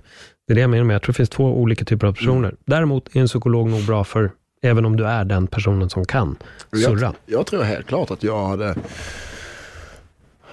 med rätt psykolog. Mm. Till exempel, av de vännerna som jag har idag, eh, så kanske det är fyra personer som vet mycket om min resa. Du vet kanske nu 30 procent, 20 procent. För där, sen vi, hade, vi hade en tacofredag som det heter. Vi har alltid tacos på fredagar i Norge. Inte vi då, men alla norrmän har det. Då hade vi en tjejkompis som heter Kristel på besök. Och jag, och jag, folk frågar ofta, nästan varje dag, vad har du råkat ut för olycka? Vad har hänt med ditt ben? Och vad har hänt med det? Och så berättar man den här eh, snabbstoryn. Så folk bara, ah, okej, okay, det låter jävligt. Men så hade jag en stund där, jag, nu känner jag att då, hon började fråga, men vad hände egentligen med din olycka? Då blir jag så här, ska jag berätta? Så berättar man lite grann. Och sen handlar det om hur människor responderar eller hur de frågar eller hur de lyssnar. Då kan man berätta mer. Och, och då berättade jag väldigt mycket då. Och då helt plötsligt kom jag in på grejer som jag hade glömt bort. Som knäckte mig då. Jag blev helt fucked. Det, det är verkligen, det var, för jag, var, typ, jag sov i 16 timmar i sträck. Det är det min respons. När vi, efter, efter vårt möte idag här, så kommer jag sova som en bebis. Och nu har jag varit nere och rotat i mitt, här, uh, mitt huvudmonster då. De här snabba replikerna, ett år, på, ett år rullstol, tre år på kryckor, 39 operationer, det där berör mig inte. När vi börjar prata nu så är det en annan sak. Och det gör jag inte till många människor. Mm. Uh, och när, just då med, med Kristel sist så, så kom vi in på grejer. Hon fick mig att prata mer. Och då blev jag sliten. Och hon fick mig att minnas saker som jag hade glömt bort. Jag mindes, är nog den värsta stunden i mitt liv då. Under värsta stunden i hela resan. Helt plötsligt ploppade upp som inte jag har tänkt på på säkert tio år. Eh, det var efter jag hade fått en infektion i benet, eh, i benmärgsspiket då. När jag gick på väldigt mycket antibiotika. När jag var, så antibiotika är ett riktigt skit då. Det, det är typ som att det stänger av hela kroppen. Hela kroppen bara slutar fungera. Och andning och allting. Och det var så här, oj om jag går till psykolog så kommer jag komma hit. Kanske. Måste jag vara här? Mår jag bra av att vara här? Är det bra att prata om de stunderna eller kanske det är bara bra att, att det ligger där bak och gömmer sig någonstans? Ja, det är bra att prata om allt, eller det är inte bra att prata om allt. Så det är det som är mig, att och kommer jag nu dit till en psykolog och psykologen är bra så kommer vi gå ner och gräva i detta då. Gräva i de här stunderna där man funderar på att man håller på att dö eller man funderar på om jag ska orka längre eller man funderar på att man skulle söka någon läkare som kan amputera benet för man är trött på det. Fundera på att man ska ta morfin bara för att må bra. Ska man in och gräva där? Mår man bättre av det?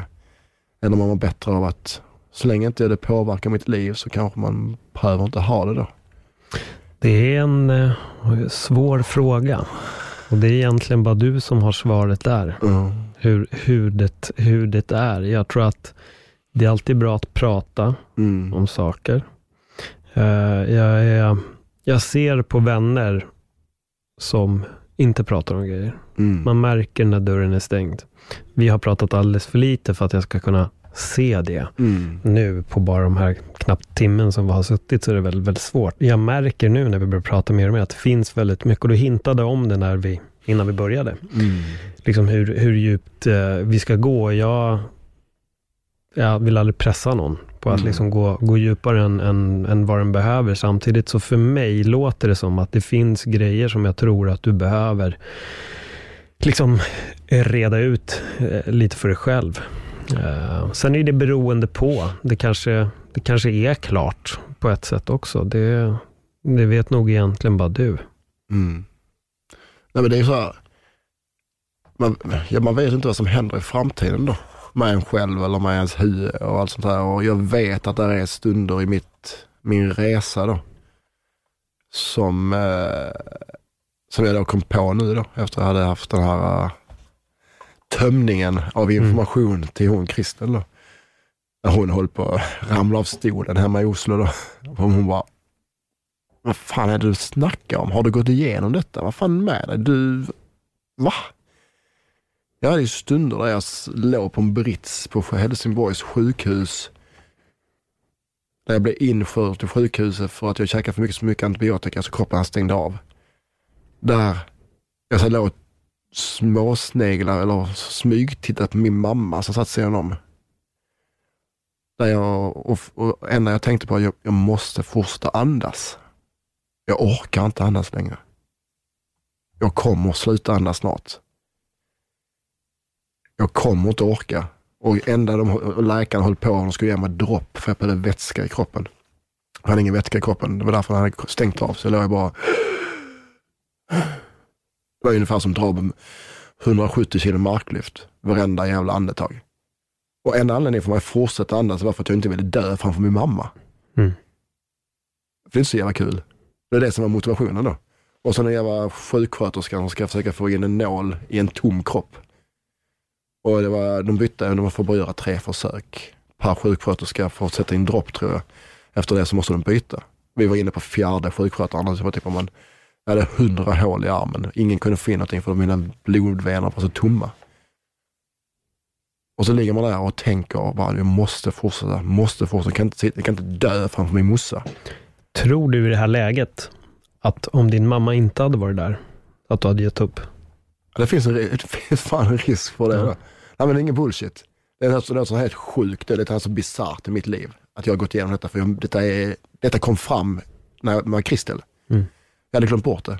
Den stunden i livet hade jag glömt bort helt och hållet. Jag har inte tänkt på det på fem, sex, sju år. Och då, det lite irriterar mig då. Jag har tänkt på det när den dyker upp lite nu, eh, eh, lite då och då.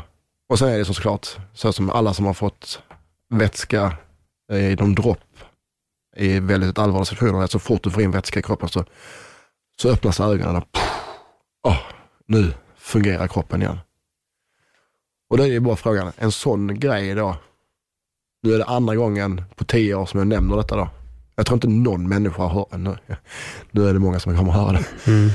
Men innan Kristel så var Julia, min fru, hon hade ingen aning om det. Jag hade ingen aning om det. Men den finns där och den kom fram och den irriterar mig. Så då är det bara frågan om att om inte jag hade fått ut det här nu och ventilera detta en gång, två gånger, tre gånger, fem gånger. Helt plötsligt kommer det en smäll i livet när jag mår dåligt och kanske hamnar tillbaka i de tankarna och så kanske man inte hanterar det lika bra. Va? Ja, förlåt, säg klart. Eh, Därför tror jag det är bra att prata. Mm. Bra att prata till rätt folk. Och i rätt syfte. Det värsta jag vet är att prata till folk som lyssnar. Jag vet inte vad jag ska förklara. Hör men inte lyssnar kanske. Ja, de vill fråga för att de ska gotta sig i någon annans grej, men de bryr sig inte. Och jag ser det så ty- tydligt nu för tiden. Och då stoppar jag. Jag bara, boop, jag, back, jag backar direkt. Så berättar jag bara lite. Sen. Men de människorna som slappnar av och tittar en i ögonen och frågar, de svarar på mina frågor och låter mig prata, då kan jag tänka mig prata då. Mm. Och jag vill, jag vill hjälpa folk eller vara en informationsport till folk som kanske är med om något liknande eller har, är anhörig till någon annan. Anhörighetsvården idag, den behöver ännu mer stöttning. Mm. Det är lika jävligt fan för min morsa, farsa eller mina systrar eller mina kompisar. Måste. Såklart, alltså en familj pajar när det är Fuck. något sånt här. Det är inte bara den som har råkat ut för det fysiska, utan alla runt omkring blir väldigt, väldigt, väldigt berörda. Oh ja. Så är det. Och det är, man glömmer bort det. Mm. det. Och det är en extrem story i sig. Mm. Men någonting som verkligen skulle lyftas fram ännu mer. Människorna som ligger bakom traumiska upplevelser då. Föräldrar eller syskon eller fruar eller män. Och, och där är mycket att jobba med där. Mm. Som sjukvården kanske skulle tagit mer ansvar om då. Att titta på en patient, okej, nu du börjar bli klar. Titta till vänster. Hur mår ni egentligen? Är ni safe? Mm. Hur mår mamma och pappa? Ska ni kanske ta och komma med här så kan vi prata lite grann om hur ni mår, hur det påverkar er då. Det har ju påverkat deras liv som fan då. Mm. Och familj, alla andra då. Så, eh, Jag har bara en liten fråga där. När du säger att den här känslan typ irriterar dig mm. över det som hände. Vad är det exakt som du känner irriterar dig över den känslan? Du menar när jag, det som irriterar mig nu att jag inte, eller vad menar du? Nej, men du, ber- du berättar att när den här tanken kommer upp så kan du bli irriterad över det här minnet. Men Mm. när du ligger där och får anstränga dig med att andas. Du säger att den känslan kan irritera dig. Är det minnet som irriterar dig och i sådana fall, vad är det som, som, som liksom gör dig irriterad? Är det att det hände? Eller? Nej, men det som irriterar mig, är, jag vet inte riktigt vad det är. Det, det är så, mm, det irriterar mig att man, man, man glömmer bort sådana grejer i livet. Och undrar jag varför, men det gör det. Och man svårt att hantera den känslan då. Att man har glömt bort någonting sånt och att man det är ingen som vet om det och varför man gör sånt och varför man... Det... Jag, jag tror att... Jag tror att många skulle behövt veta den biten egentligen för att förstå mig lite mer då. Varför man, varför man jag krigar så jävla hårt om vissa saker då. Så... Och jag vet inte riktigt varför det, varför det irriterar mig då. Det, men det är rätt så det är rätt så sjuk upplevelse som man, som man bara har borstat av axeln på någon vänster. Mm. Jag glömmer ju bort det. Ja, men jag låg på sjukhus, det var lugnt. Du låg där sex veckor. Ja, ja, ja. Nio narkosoperationer på tre veckor. Ja, ja, ja. Men det är över nu. Mm. Ja, ja. Det är det här typ, okej, nu kör vi. Vidare, nästa, boom. Men det var första gången som jag hanterade en situation genom att jag gick den här arbetsterapeuten då. Som inte var helt hundra då. Det var inte rätt för mig. Arbetsterapeut kanske inte är helt rätt Det för var att det. de, mitt jobb då ville ha Ja. tillbaka mig på jobb. Mm. När jag, och jag tror det är det som gör att, mig, att jag egentligen är irriterad på sjukvården, att de inte hanterar, tog hand om mig mer. Att de inte, att de inte, att de inte brydde sig mer då. För att jag tror att många människor där ute idag sliter hårt för att få den uppmärksamheten de egentligen borde Mm. fått. Eller fått den vården som de egentligen borde få. Likaväl, idag så är det så jävla, allting görs så lite personligt. Vi utbildar alla på samma sätt. Även om alla skulle behövt individuell utbildning egentligen. Eller i alla fall me- mer mindre grupper. Sjukvården, alla får samma beslut. Det är ingen som egentligen tittar, men okej, den här killen kanske ska ha på det här sättet. Den här killen kanske över det här. Vi kanske måste titta bortom den här standardmallen då. Och, så det är det som driver mig för att ha detta samtal med dig. Idag, för jag tror att jag sitter på under en sån här extremt stor period av helvete och personer som har varit involverade. Det är inte bara typ åt benet, jag har gått igenom massa jävla grejer då, runt med det här med min familj och med hur min familj har hanterat mina vänner har hanterat det, hur jag har hanterat det själv, hur jag har valt att hantera mitt sätt att vara på ett sjukhus. Kontra många andra hur de beter sig på ett sjukhus. Hur, må, hur, gör, hur, gör, hur ska jag göra för att må bäst? Här och nu. Hur ska jag göra? Nu ska jag ligga på sjukhus i sex veckor. Okej, hur mår jag bäst på ett sjukhus i sex veckor? Jo, om jag blir bästa kompis med sjuksköterskorna, städarna, ortopederna, huvudläkarna, ronddamen. Om jag är bästa kompis med dem, då kommer jag få gräddmos på allting då. Ja, då kör vi det. Mr Positiv. Sex veckor, alltid positiv, alltid high five, alltid smile på läpparna. Vad hände då? Jo, jag hade en bra sjukhusvistelse då. Och det är det jag menar att, så genom mina sociala medier då, så skriver jag ibland texter då. Där jag skriver om, om man tittar igenom, om man lusläser min Instagram så är det så här, träning, träning, whatever, whatever, event och så helt plötsligt kommer det ett inlägg där jag skriver då. Och det där får jag jätterespons. Mm. Då får man ju 2000 likes och massa kommentarer och då är det mitt sätt. Jag tror att fler människor behöver höra, behöver veta, behöver läsa och få reda på hur man ska egentligen, hur man kan hantera det på ett bättre sätt. Då.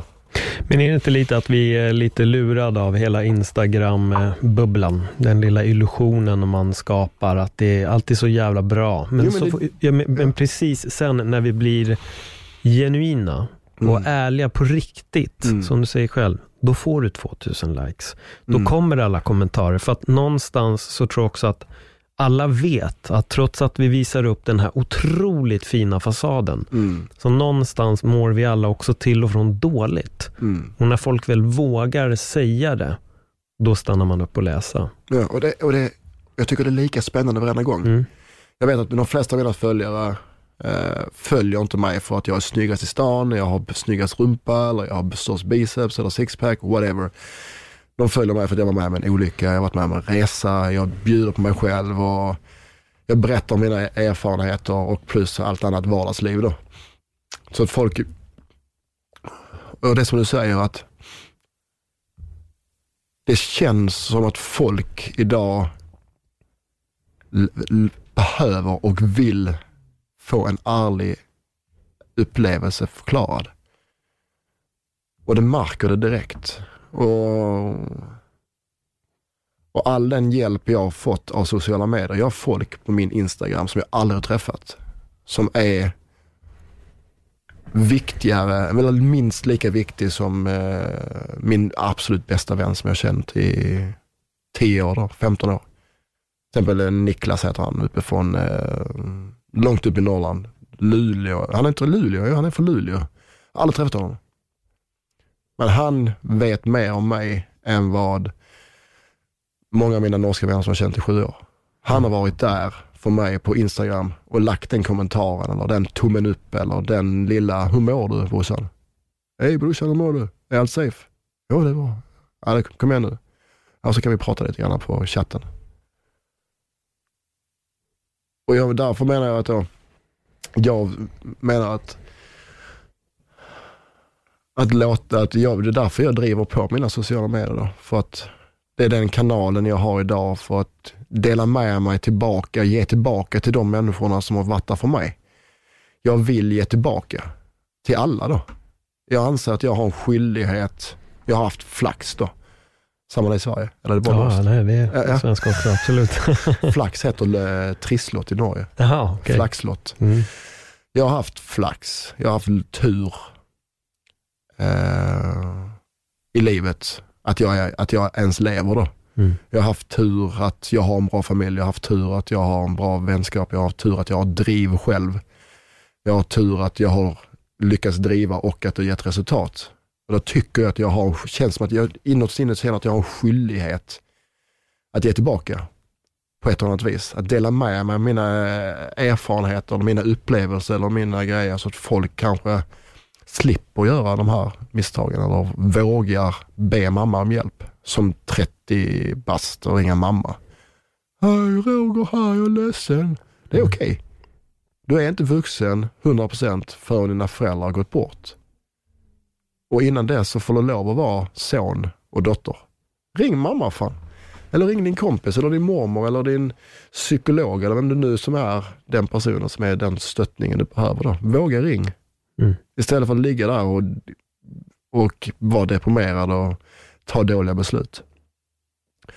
Så, eh, och jag hade, fick en, en liten förfrågan för sex år sedan att skriva bok. Eh, och då bestämde vi att vi skulle, jag skulle göra en blogg först och se om det var intresse. Och då skrev jag blogg i någon månad och det var jätteresultat. Vi hade 10 000 människor som läste. Och, men det fuckade mig totalt. Det slog ut för mycket på mitt psyke då. På vilket sätt då? Men det, det är samma sätt som jag försökte, försökte förklara innan. Att Mm. när jag går in och börjar gräva i storyn så är det precis som min kropp säger. Vad gör du nu? Stopp. Nej, du ska inte tillbaka hit. Du ska inte tänka på detta. Du ska inte eh, vara i dessa minnen. Vi har stängt av den delen i ditt liv. Och när jag går tillbaka till, jag verkligen jobbar mig tillbaka. Dag ett, vad hände? Dag två, vad hände? Dag tre. Och det är kroppen, vet. Det är sömntabletter då. Ville du ge upp? Nej. När du backar i dina tankar, Ja. är det att du ville ge upp? Är det att du ville bara, det räcker, jag pallar inte mer, skit i det här. Ja, nej, det, Jag kanske lever en annan gång. ja, det, är det, det är det som kommer då. Är det det din kropp vill stoppa dig ifrån att, att gå? Ja, Jag tror det. Mm. Men när jag kom till Norge så fick jag en helt nytt liv då. Eh, jag fick en uh, ärligare vänskap. Den vänskapen som jag har kvar, som jag umgås med idag från Sverige är mina ärliga, riktiga vänner då. Eh, I Norge fick jag en ny start i livet och en ärligare vänskap, en, en renare vänskap. Inte bara baserad på fest och nattklubb som jag jobbade med tidigare. Och jag började träffa mer folk som jag kunde berätta lite mer för. Och som fick mig att börja föreläsa. Så jag föreläste en del. eh, allt, allt från NIH till massa annat. Och fick mig att hantera storyn bättre då. Och jag har börjat prata mer och mer och, och mer och mer föreläsningar. Jag kan prata med dig nu utan att jag blir helt fucked. Mm. Jag har fortfarande ett brev från mitt ex. Mitt ex skrev en text. Jag frågade henne, kan du berätta din uppfattning av olyckan? För hon var med mig på olyckan nere i Grekland. Mitt ex Emma då. Hon skrev en text till mig som stö- ligger på min blogg. Eh, som jag fortfarande idag inte har läst hela texten. Jag, jag bryter ihop totalt. Hade jag, läst den här, hade jag försökt läsa den här idag så hade det tagit en timme. Och det är en text på två A4. Jag klarar inte det. Är, det är precis som hela kroppen bara, det är bara varningssignaler. Det är bara typ bara, jag somnar. Min flickvän, min, eller min fru idag säger att hon har läst den till mig, men jag minns inte det. Jag minns bara hur den börjar, så minns inget annat. Det är så, sjukt. Det där är, det där är sjukt. Jag måste ju fråga frågan och du får ju besvara den om du vill, Ja. men, men vad var det som hände Nej, med olyckan? Alltså hur gick det till? nej, enligt han, det var ju en grek som körde på mig. Ja. Jag kom körande på en strandväg, motorcykel. Jag, jag, jag arrangerade en, en uh, beachparty på Rhodos. Mm. När jag kom dit på dagen så hade vi volleybollsturnering med stayhard.se. Och så var volleybollarna borta. Roger, volleybollarna är borta. Du måste köpa nya. Jag bara, vad fan. Så jag tog hjälmen, slängde den i sanden. Slängde av mig t-shirten, på mig flipfloppen, hoppade på motorcykeln och körde iväg. Och så kom det en bil, körde rätt ut framför mig. Och jag kraschade med bilen då. En timme från närmaste sjukhus. Och han som körde på mig var full. Grek. Det var hans fel. Han har själv sagt det. Han, han var hos mig flera gånger på sjukhuset. Så jag låg i hans baksäte i en timme till sjukhuset. Jävlar. Han körde, han, hade inte han kört mig till sjukhuset, han som körde på mig som egentligen kanske skulle dratt, Mm. så hade jag 100% inte levt idag. Men då han greken fick, han kastade in mig i baksätet där med ett ben, där stod, ben stod ut på höger och vänster och körde mig till sjukhuset. Jag har varit på olycksplatsen flera gånger efter det. Noll, inget minne. Det ser ut som jag aldrig där. Mm. Och det är också så här irriterande. Irriterande på att du har varit med om en grej i ditt liv som inte är en, eh, det är inte en crossfit-tävling, det är en en MC-olycka. Du har frontat på en bil Och så minns ingenting. Du minns ingenting. Det är bara vad han har sagt då. Men han säger ju att det var hans fel och han körde ut på mig, så att varför skulle han ljuga om det? Var, var stannar minnet? Alltså vad är det sista du minns? Minns Det är att du... jag gick upp på morgonen och så sa till min eh, Emma då att, "Du, kom igen nu, nu ska vi till Beachpartyt. Nej jag orkar inte sa hon. Jo kom igen nu, hur kommer vi dit? Vi kör motorcykel. Ja men då följer jag med. Så jag åkte med motorcykeln ut. Mm. Så lämnade jag av henne då. Och sen körde jag vidare. Sen sa de till mig och så körde jag. Så jag minns ju bara den biten då. Och att jag körde ut, körde förbi bussarna med alla svenska turister som skulle festa. Mm. Och sen är det bara noll. Ingenting. Första minnet efter det. Det vet jag inte. Jag kan inte, jag kan inte skilja på vad folk har berättat för mig eller vad jag själv har upplevt. Det är bara att jag, på flygplatsen vet jag, på flyget, för det var jag som visste att jag fick en tablett av dansken. Mm. Danska kvinnan som jag skulle vilja hitta. Om du är där ute, kontakta mig. Mm. För den tabletten hon hade där, jag skulle vilja veta vad det var för någonting. För det, det var bra grejer då. Det var, slog ut mig totalt. Sen är, det, sen är det mycket fläckar efter det. Mm. Mycket så här, det är som att hjärnan kopplar bort grejer. Den här händelsen med mamma när jag fick antibiotika. Det bara ploppade upp sju år senare. Åtta år senare. Som ingenstans då. Så undrar jag bara, hur, mer, hur många fler sådana pop-ups finns det då? Som jag egentligen glömt bort. Det är inte så många du pratar med det här om va? Nej. Nej.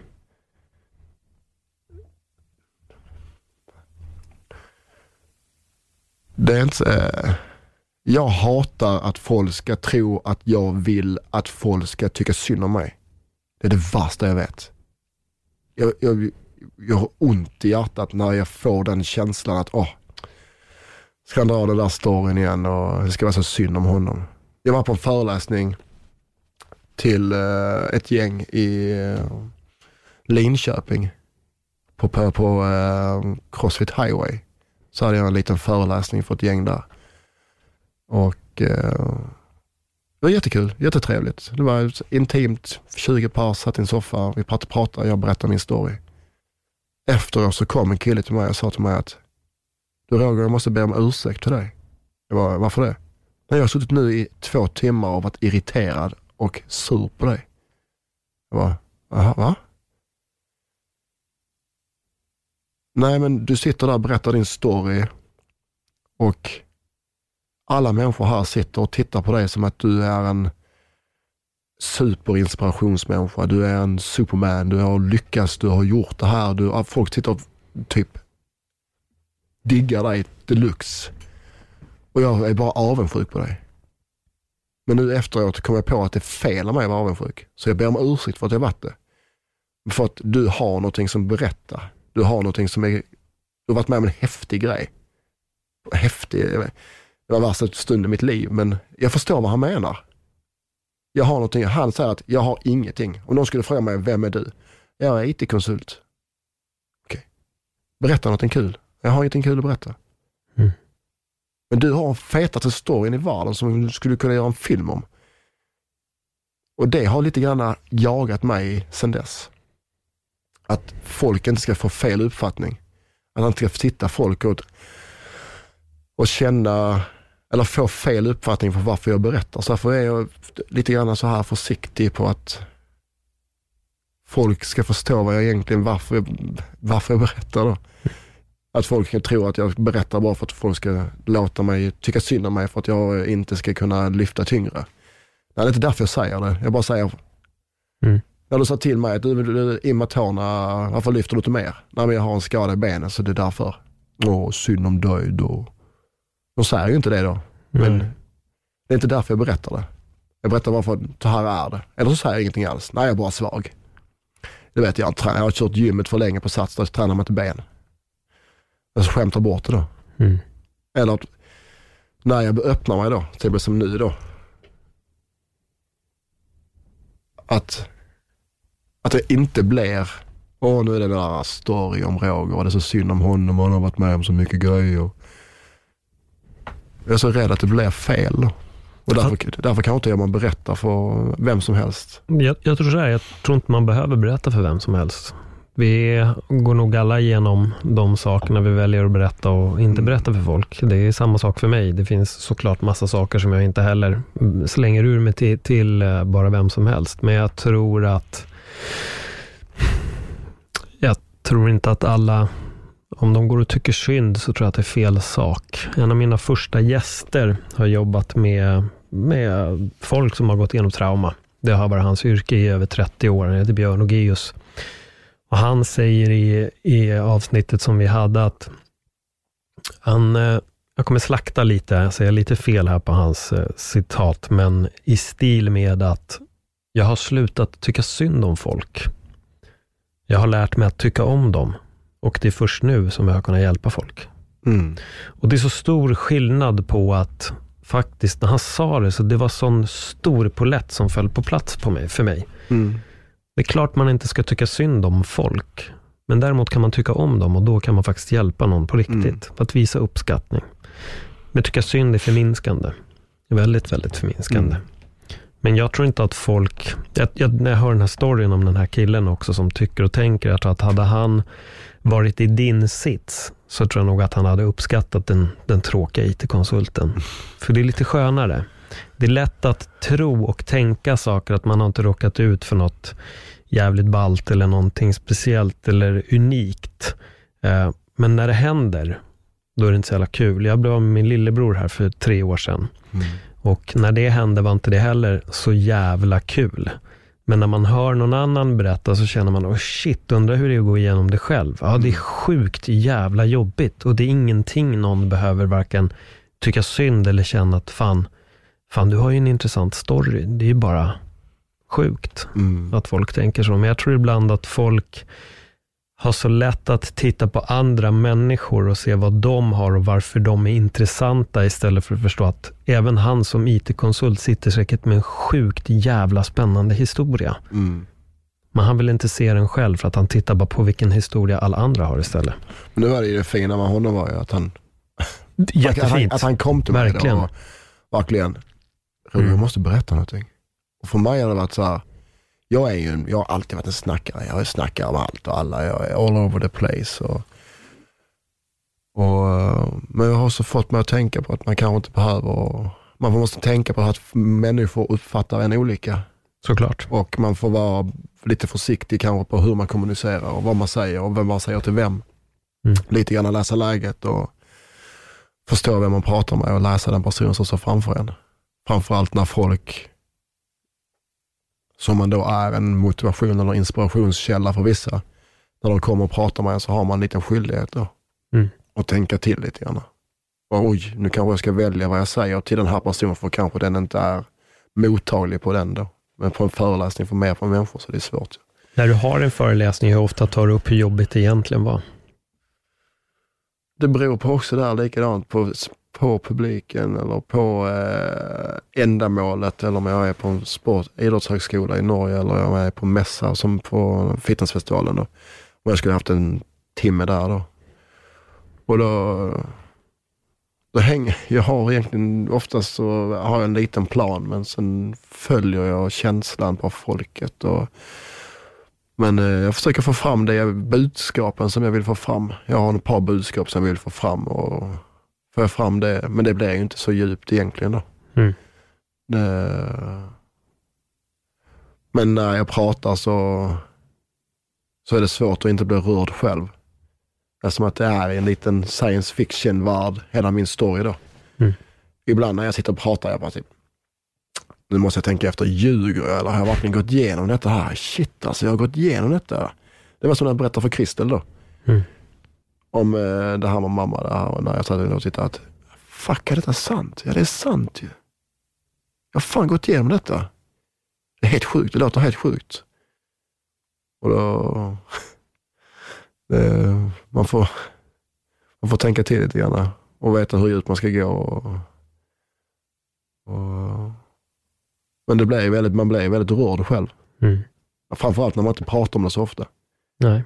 Och framförallt när det handlar om min mamma eller pappa eller mina närmsta vänner som har gjort så pass mycket, så de betyder så pass mycket. Så de stunderna när de är, när man går tillbaka där. Även om det är sådana komiska eller vad det nu är, så är det sådana stunder som bara, fy fan vad jag är tacksam. Det var en operation, jag hade varit med nere i Malmö. Jag kom hem, min, min syster och min mamma var nere och hämtade mig. Vi hade gjort en bentransplantation eller whatever. Så skulle vi upp i lägenheten så är det två våningar upp. Och eh, de bara, hur fan ska vi få upp dig? Du kan inte gå, du kan inte gå. det går inte. Och då ringde de min polare Fredde då, Fredrik. Bara, Ring Fredrik, han, han kommer och hjälper till. Ja, men det, är, det är lördag eller var det söndag. Han har säkert varit ute och festat. Ja, men ring och kolla. Vi måste, jag måste komma upp, jag kan inte sitta här i trappen. Så ringde de Fredde då och Fredde bara, ja, jag har varit ute och festat, jag har precis kommit hem, men jag kommer, det är lugnt. Så kommer han ju då där med taxi och kommer ut. Va? Vad händer? Ja, han ska upp. Ja, hit med dig, jag lyfter, bär upp dig. Men fy fan, det luktar sprit. Oh, jag, jag har inte ens varit hemma än. Jag bara, okej. Okay. Så han bara upp, bar upp mig, upp för trapporna, in, la mig i sängen. Bara så, är du klar? Ja, jag är klar, perfekt. Och, ja, ska vi köra det hem? Nej, det är lugnt, jag behöver gå. Jag går hem. Dyngrak. Och en sån, ett sånt minne som det, vet, vet, det är svårt att inte bli berörd då. När man vet att det är folk som ställer upp på en. Det är sådana minnesgrejer som verkligen, när man kommer in på dem, när man ramlar in på ett sånt spår då, rätt framför publiken, eller när man berättar om mamma som kommer hämta mig på natten. Och, så står man ju där på scenen som en liten femårig pojke och, och rinner tårarna, för det är, det är på riktigt då. Mm. Det är ingen film. Det är ju på riktigt. Du har ju fan varit med, med om det. Det är som din bror då. Mm. När du går tillbaka där då så går in och så helt plötsligt ska du bara, men hur kändes det? Hur var det? Och du går tillbaka där, vad hände? Mm. Hur fick du reda på det? Det är som när du frågar mig, bara, mm. Oh shit, hur kändes det? Oh, så går man tillbaka där, en flash, det är som en Hollywoodfilm. Så kommer de här känslorna och rysningarna och tårarna. Och, men det är okej. Okay. Det, det får en att tänka till på att det var på riktigt och ta vara på det och ta vara på ditt liv. Och, Ja, jag sa tidigare att det var en story. Speciellt ta vara på livet. Ja, ja. Det är det. Eh, jag har ett ordspråk. Jag tatuerade på låret, eller på, på vaden. Mm. Jag ville tatuera någonting från olyckan. Och så började jag leka med tankarna. Bara, What doesn't kill you make you stronger. Och det som inte dödar det härdar. Och så tyckte jag bara, det är för klyschigt för mig. Så kom jag, på, jag vet inte om jag kom på det själv, men jag, jag får för mig att jag kom på det själv. Eh, lek inte med livet, låt livet leka med dig. Don't play with life, let play, uh, life play with you. Så tatuerar jag in det på benet då. Och det är lite grann det är mitt motto i livet då, att inte leka med livet, och, men låt livet leka med dig istället. Att inte push it då. Man behöver inte vara the daredevil all the time då. Nej. Och lite här receive by giving, att om du ger så får du. Och, och det är det jag vill gärna göra då, med att vara med på den här podcasten också. Att kanske man kan dela med sig av någonting som folk kanske kan använda till något positivt. Jag brukar alltid säga, vad skulle du ge för råd till någon som, och så är det då beroende på vad personen gör, men du öppnade lite dörren för den frågan själv här känner jag. Mm. Så vi får hoppas nu att inte jättemånga har gått igenom exakt det du har, men däremot så dagligen skadar sig folk och hamnar i situationer som kommer vara otroligt jobbiga. Mm. Uh, för att se lite ljus, som du själv sa, i dimman där. Vad, vad skulle du vilja ge för råd som ett så här, det här funkade för mig, prova det här i alla fall. Våga be om hjälp. Det är nyckelordet med, hela min grej är be om hjälp. Fråga eller ring eller det finns alltid någon som kan hjälpa dig och du vet oftast vem det är. Uh, och det är det, det är konkret att det jag verkligen vill få fram då. Att våga ringa mamma eller be din kompis eller, eller vem du nu är, eller ringa en psykolog eller ringa en läkare eller polis eller vem det nu är som kan tänkas hjälpa dig i den situationen du är nu och hålla dig fysisk. Det, det är ingen bullshit. Det är den 100% säkraste sak du kan göra i ditt liv för att må bättre i alla situationer, det är att hålla dig aktiv. Faktiskt, tycker jag. Mm. Det, det, är medicin på det mesta. Så be om hjälp och hålla dig aktiv. Du kan alltid vara aktiv på ett eller annat vis. Och det är det som har räddat livet på mig. Då. Mm. Eh, Det är de två sakerna. Och det är något jag kommer jobba hårt för, för att sprida budskapet på. Även här nu idag med podcast. Mm. Eh, avslutningsvis, om folk vill eh, följa dig på din resa, eventuellt få kontakt med dig, var, var hittar man dig då? Instagram kanske? Ja, Instagram är säkraste kortet då. Mm. Det är Roger Gillros. Gillros, jag är gift i somras, så, så det heter jag på Instagram också. Jag Mm. bytte det på natten. Så, eh, nej, men det, jag, 99,9% av alla gånger någon skriver till mig så svarar jag. Och jag är tacksam och gillar det. Och det som självklart på Facebook eller något annat. Så. Mm. Och, och ser ni mig, kom gärna fram och säg hej. Jag, är, jag gillar att prata. Som ni kanske har märkt. Mm. Eh, Mm. Roger, jag får verkligen tacka för att du har öppnat upp dig och delat med dig och jag känner att du börjar att eh, sänka skölden. Den eh, Mm. fanns där i början, men jag märkte att sakta men säkert så börjar du släppa in för mer och mer. Ja. Men det är rätt. Det är, man ska inte sänka skölden för vem som helst. Eh, Och jag tycker att du, eh, du sa en bra grej där. Det finns de som liksom sitter och, som jag då sen sa, att de kanske försöker höra, men kanske inte riktigt lyssnar. Mm. Eh, Jag har inbillat mig att jag är ganska duktig på att faktiskt lyssna på, på folk och jag tror också att det är därför du även släppte in och, Mm. eh, och vågade öppna upp. Och det finns folk garanterat som kommer höra på det här avsnittet som, som kommer kunna ta till sig utav det. Och jag vill även lämna dig med ett litet råd. Det finns fortfarande många stängda, stängda dörrar i dig. Mm. Det, det märks och jag tror att eh, för din egen skull så tror jag att du behöver gå in och utmana, försöka öppna i alla fall några utav dem. Eh, för jag tror att du kommer kunna läka mer. Och då pratar jag inte om fysiskt, utan den, den sista biten i dig själv som kanske kommer läka. Och det kanske finns en anledning till varför du går runt med vissa smärtor idag. Mm. De kanske inte bara är just fysiska. Det kanske är vissa andra grejer som fortfarande ligger men manifesterar sig i smärta. Eh, Och det är dels någonting som Björn Ogeus, när jag ändå pratade om honom tidigare, tog upp. Det, När man öppnar en tung dörr så är det mycket som kommer av mycket. Som för min del med den här grejen. En stor sak som öppnar sig, men det är någonting friskt med att få öppnat upp det där. Mm. Det kanske, oj, det kanske är därför jag är lite på den biten av. Det kanske är den stunden som gjorde att jag hanterar sådana situationer på det sättet. Nu vet jag varför, nu kanske jag kan ändra på det. Mm. Så eh, den kommer jag ta med mig. Mm. Eh, jag ska inte vara så rädd. Eh, och kanske man ska söka och prata med någon professionell. mm, Det kan vara, kan vara dags innan det är för sent. det kanske är dags. Ja. Det kanske det är det. Ska bara hitta en rätt person Mm. som man eh, känner sig förtroende till. Och där, där kan man ju byta och testa sig fram. Ja, såklart. Alltså det tror jag till och med tillhör att om man inte funkar så måste man ju gå till nästa. Mm. Det är inget mer med det. Nej. Men det här är ett stort steg. Vi har eh, haft ett långt, ett långt samtal här, du och jag. Och eh, bara att den här podden inte var slut på 45 minuter säger att du vill öppna upp dig. Och nu öppnar du upp dig inför, inte bara mig, Mm. det är många som kommer lyssna. ja. Och det är starkt. Mm. Och det tycker jag är en fantastiskt bra start. Så jag får tacka dig än en gång för att du ville komma hit. Och Tack själv. podden heter Öppet sinne och du har verkligen börjat öppna upp dörren mycket, Ja. mycket mer. Det är ett bra namn på, den här podden. Verkligen för det här samtalet. Då. Ja, tack så mycket. Grymt. Ja, men grymt Roger. Och, eh, alltså verkligen jätte, jättekul att du kom in och det uppskattas verkligen från botten av mitt hjärta att du, att du vågar göra det här och att du faktiskt att du är ärlig. Liksom. Det, det tackar dig jätte, jättemycket för. Mm. Tack själv. Tack själv.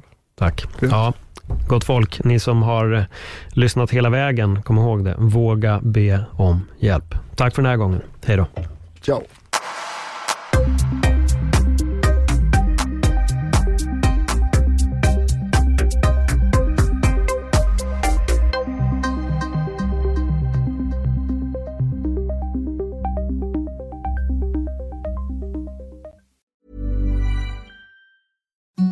Imagine the softest sheets you've ever felt. Now imagine them getting even softer over time. That's what you'll feel with Bowl and Branch's organic cotton sheets. In a recent customer survey, 96% replied that Bowl and Branch sheets get softer with every wash. Start getting your best night's sleep in these sheets that get softer and softer for years to come. Try their sheets with a 30-night guarantee. Plus, get 15% off your first order at bowlandbranch.com. Code Exclusions apply. See site for details.